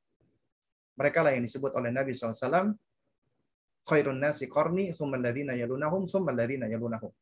Mereka adalah generasi yang paling baik, generasi apa pada zamanku yaitu sahabat, yalunahum. Kemudian generasi tabi'in yang mengikuti sahabat, murid-muridnya sahabat, kemudian yalunahum, kemudian generasi yang belajar pada generasi tabi'in disebut dengan tabi'ut tabi'in. Inilah tiga generasi terbaik umat ini yang kita seharusnya merujuk dan belajar kepada mereka. Nah, kemudian baru ya siapa nanti yang akan membunuh Dajjal ketika di antara tanda-tanda hari kiamat ya kiamat besar munculnya Dajjal. Dajjal ini fitnahnya luar biasa, tapi dia akan terbunuh. Siapa yang membunuh? Tidak lain dan tidak bukan adalah Nabiullah Isa alaihissalam. Nabi Isa nanti kelak akan turun di, di hari kiamat, dia menjelang hari kiamat di akhir zaman, ya beliau turun di apa namanya di, disebutkan di Menara Putih ya di Palestina. Kemudian beliaulah yang akan membunuh Dajjal, ya. Nah, jadi ini adalah di antara eh, uh, 29 ya tanya jawab yang diekstrak dari buku ini dan sebenarnya ini memang butuh bahasan yang cukup panjang, tapi setidaknya yang sedikit ini bisa memberikan manfaat karena keterbatasan waktu. Waktu dan tempat saya serahkan kembali kepada moderator kita. Ya mungkin ada sesi tanya jawab ataupun ada kuis. Nah,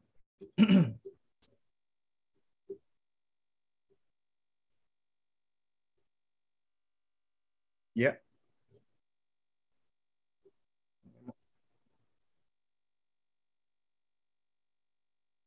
tes tes uh, apa namanya moderatornya hadir ya?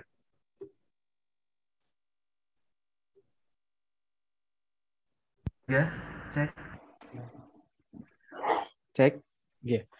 Baik, alhamdulillah uh, jazakumullah khairan Ustadz atas ilmu yang disampaikan. Uh, insya Allah sangat bermanfaat untuk kita semua. Uh, bagaimana ya Bunda? Uh, ada adakah pertanyaan yang ingin disampaikan?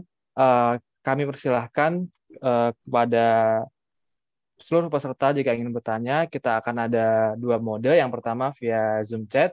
Silahkan mulai dari sekarang jika ada yang ingin ditanyakan untuk uh, di chat uh, via Zoom. Kemudian uh, ada juga secara pertanyaan secara langsung dengan aturannya yaitu raise hand jika ingin bertanya nanti akan saya persilahkan untuk resen. Ya, menunggu moderator mempersilahkan untuk bertanya.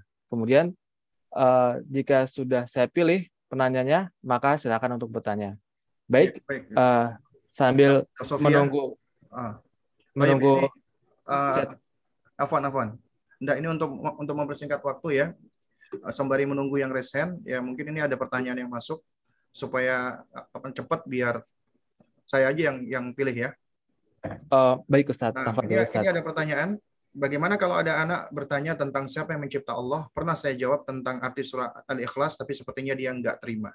Terakhir saya alihkan agar dia bertanya lagi. Usia dia saat itu 10 tahun. Nah, jadi usia 10 tahun adalah usia di mana anak sebenarnya sudah memiliki daya nalar yang cukup baik ya.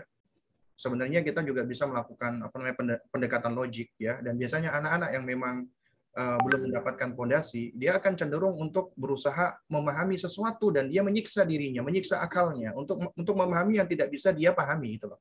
Dan ini adalah tugas kita sebagai orang tua ya untuk bisa bersikap hikmah dengan anak ya yang yang seperti ini ya. Jadi usia 10 tahun adalah usia kita bisa melakukan pendekatan dengan cara dialog dan diskusi ilmiah. Tapi sebagaimana dikatakan ya fakidu la yu'ti, orang yang tidak punya nggak bisa memberi atau you cannot pour from an empty cup, Anda tidak bisa mengisi dari cangkir yang kosong, artinya kita harus belajar. Kita juga harus ya menguasai ya.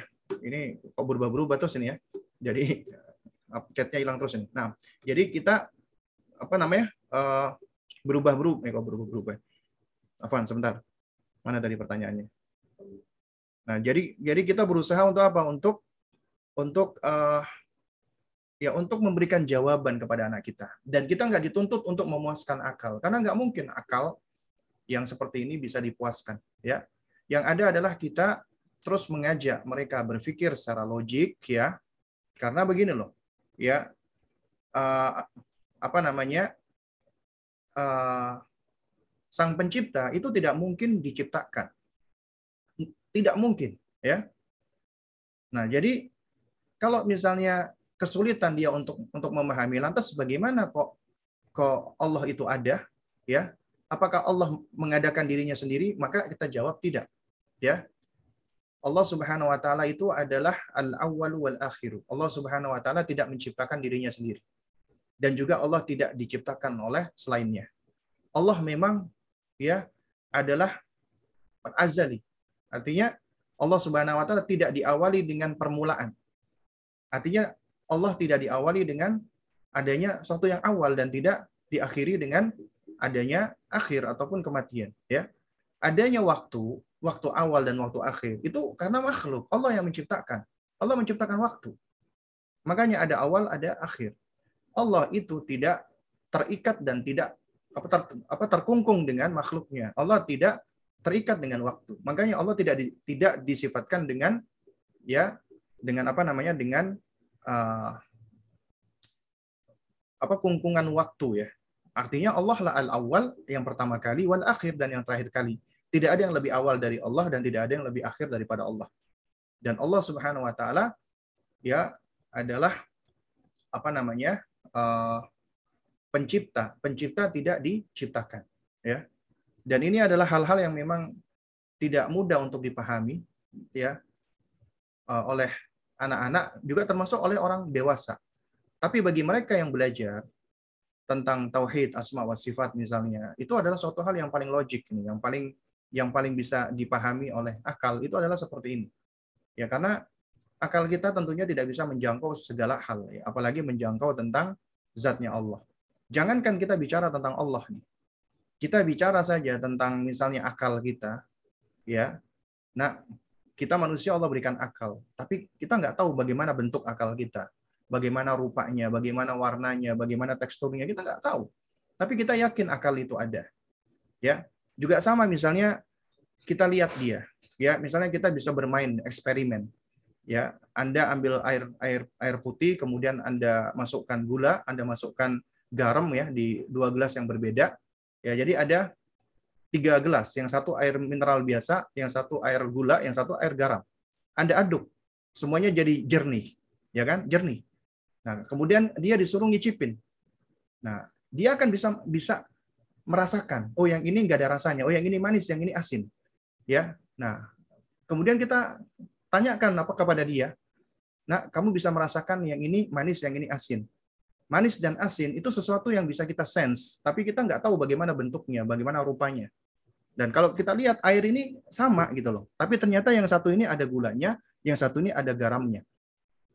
Ya, gulanya itu sudah larut, garamnya juga sudah larut di dalam air. Jadi nggak kelihatan.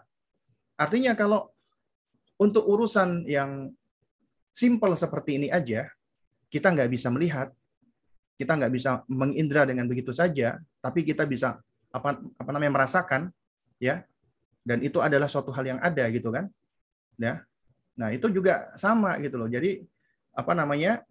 Uh, tentunya akal kita nggak akan bisa menjangkau apabila itu sudah berbicara tentang zatnya Allah, ya. Nah, jadi kewajiban kita adalah ya kita ajarkan ya semampu kita sesuai dengan ilmu kita.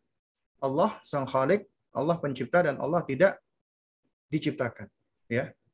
Karena apabila diciptakan berarti Allah sudah kehilangan sifat kesempurnaannya lagi. Ya.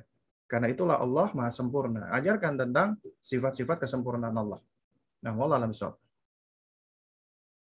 Nah, ini silakan ini apa namanya uh, Ummu Sofia yang udah resen.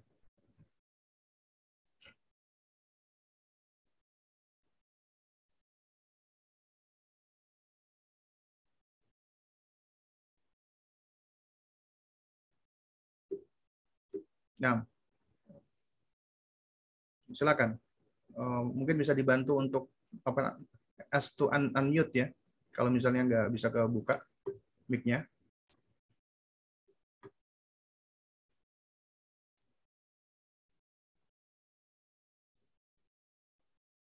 Ya, silakan ya ini karena waktu kita nggak panjang ya. Baik ya ini apa sembari menunggu ya. Ini ada pertanyaan lagi. Metode tanya jawab bagaimana yang bisa diterapkan kepada anak yang sudah dewasa, yang sudah memiliki pemikiran sendiri dan pendapat sendiri, supaya bisa membawa kembali rasa ketauhidan di dalam dirinya, rasa takut kepada Allah, juga rasa diawasi oleh Allah. Maka ya apa sebenarnya uh, konsep hikmah di dalam pendidikan itu kita tidak mempergunakan metode yang sama pada semua fase usia. Makanya di dalam quote disebutkan laib ibnaka sab'an wa adibus sab'an wa sahibus sab'an. Ya, bermainlah dengan anakmu di usia tujuh tahun pertama, takdib, didik, disiplinkan di tujuh tahun kedua, dan bersahabatlah di tujuh tahun yang ketiga. Kalau dia sudah dewasa, maka pendekatan kita adalah kita bersahabat dengan dia. Nah, di antara metodenya hiwar, diskusi. Ya kita dialog ya dengan sang anak tadi. Itu itu di antara metode apalagi ini anak sudah dewasa sebenarnya. Ya,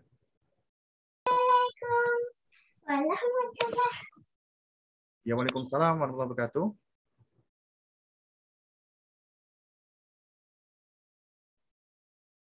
Ustadz, baiknya umur berapa anak diajarkan menghafal Al-Quran? Apakah sejak umur 7 tahun sama seperti memerintahkan sholat? ya?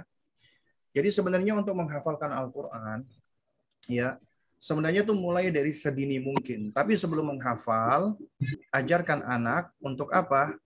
untuk mencintai Allah terlebih dahulu, kemudian mencintai Al-Quranul Karim.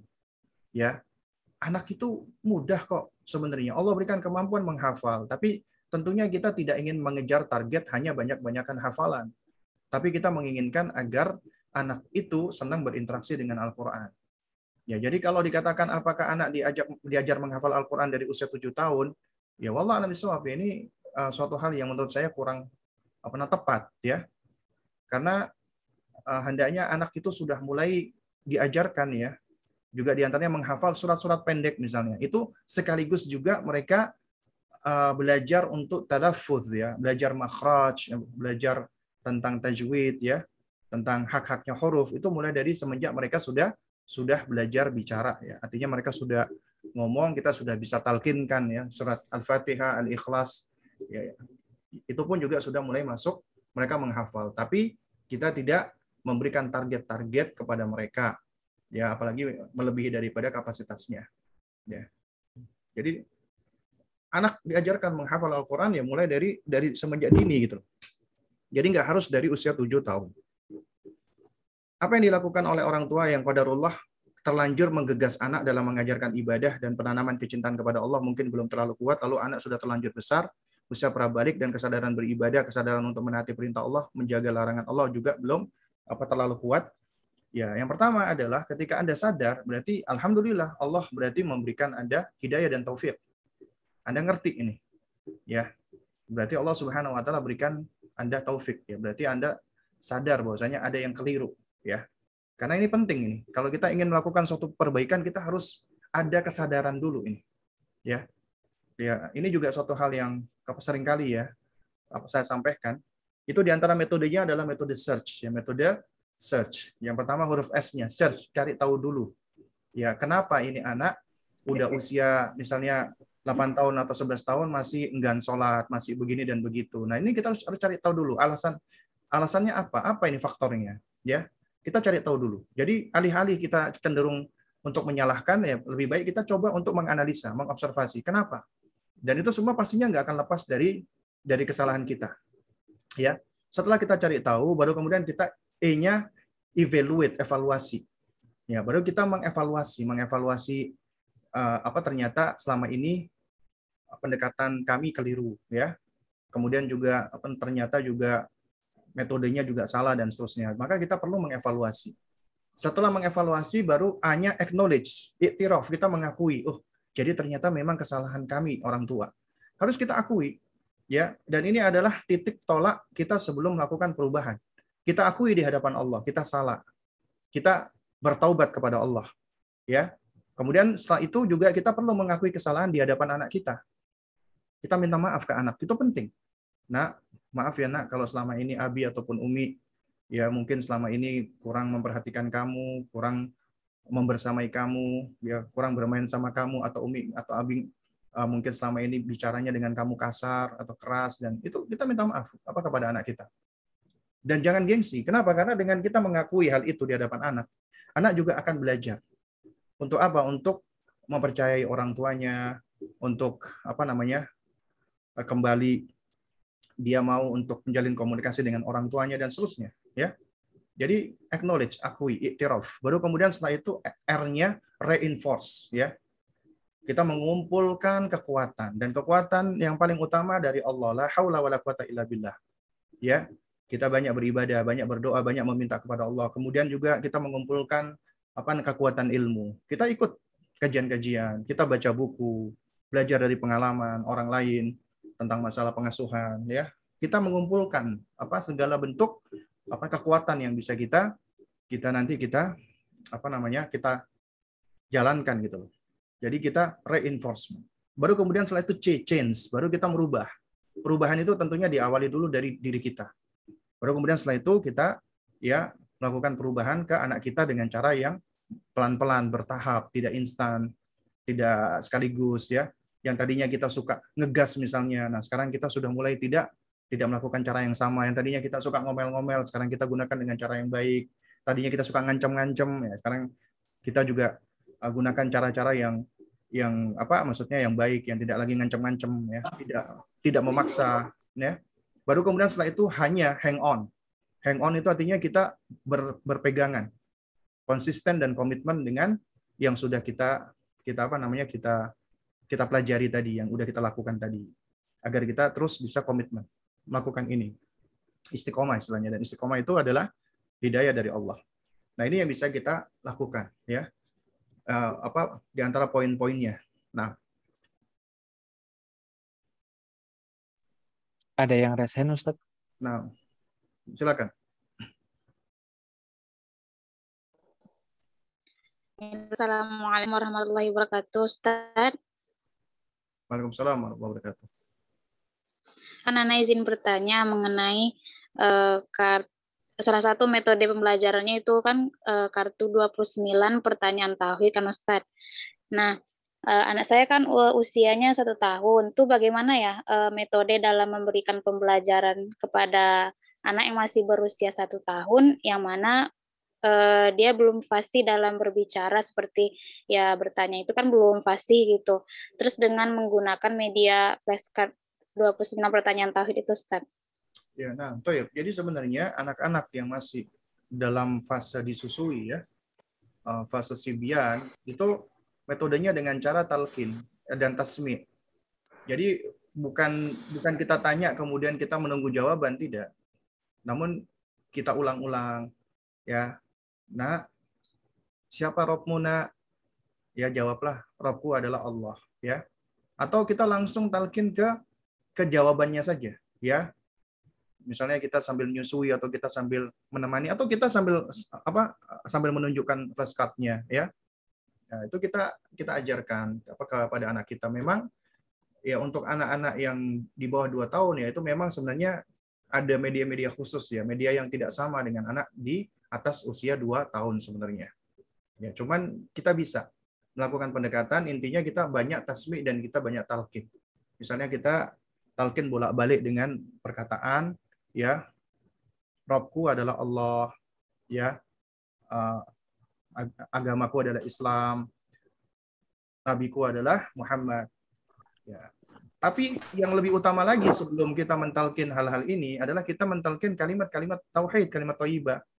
La ilaha illallah Muhammad Rasulullah, la ilaha illallah Muhammad Rasulullah. Itu di antaranya. Kita memperbanyak mentalkin kalimat-kalimat thayyibah karena dia masih belum bicara. Ya, tapi dia sudah bisa merespon sebenarnya.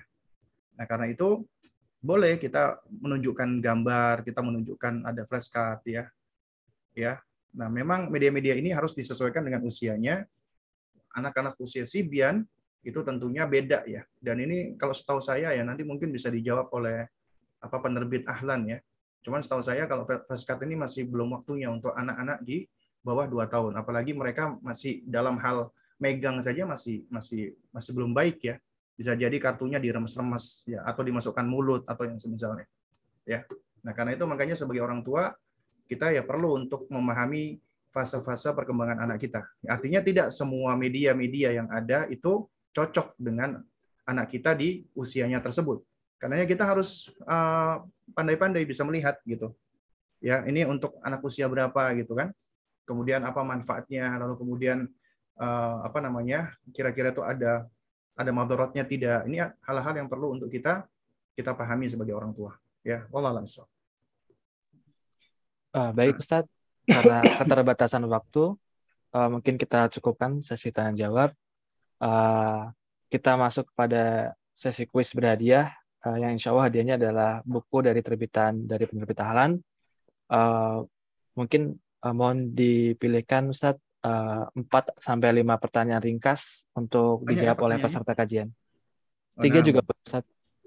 banyak pertanyaan. Ini jawabannya via chat atau jawaban uh, lisan ini?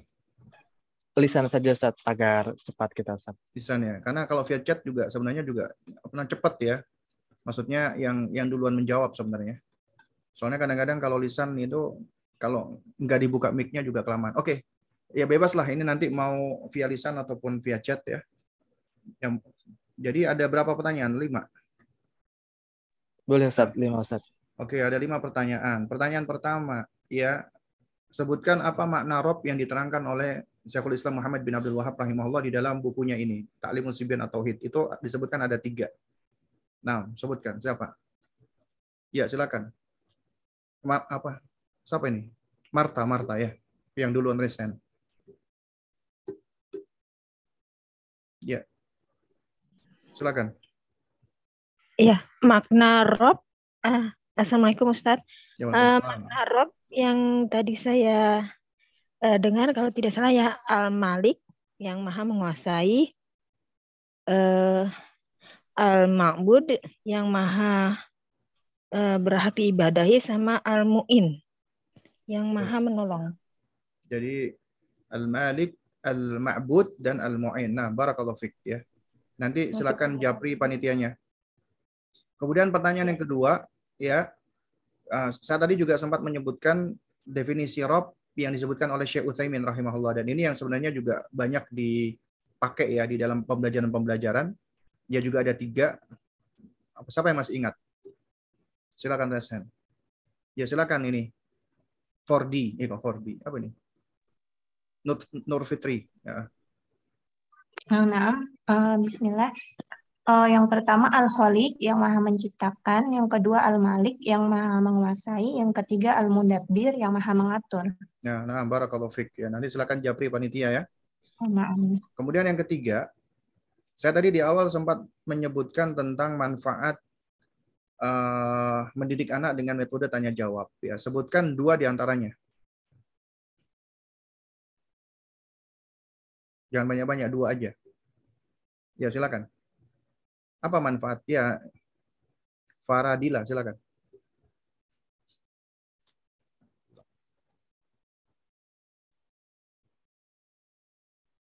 Nah, Tafadhali. Bismillah. Hmm? Bismillahirrahmanirrahim. Manfaat yang pertama merangsang atau menstimulasi kecerdasan anak. Hmm. Terus? Yang kedua uh, mentalkin anak agar uh, bisa terus mengingat. Ya, nah, ya. Itu juga bisa atau boleh ya barakallahu fik ya nah kemudian pertanyaan yang keempat. Ya tadi saya di awal juga sempat menyebutkan ada macam-macam soal ya macam-macam asilah macam-macam pertanyaan. Siapa yang ingat? Dua aja di antaranya ya silakan Feby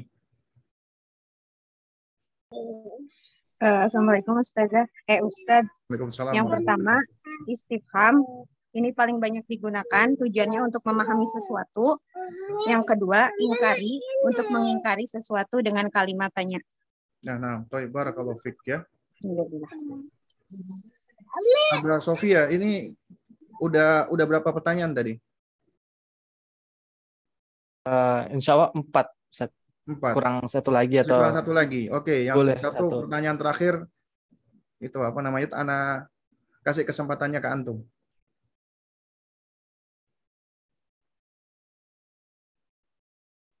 Oke, silakan itu antum yang tanya sekarang. Uh, baik Ustaz. Nah.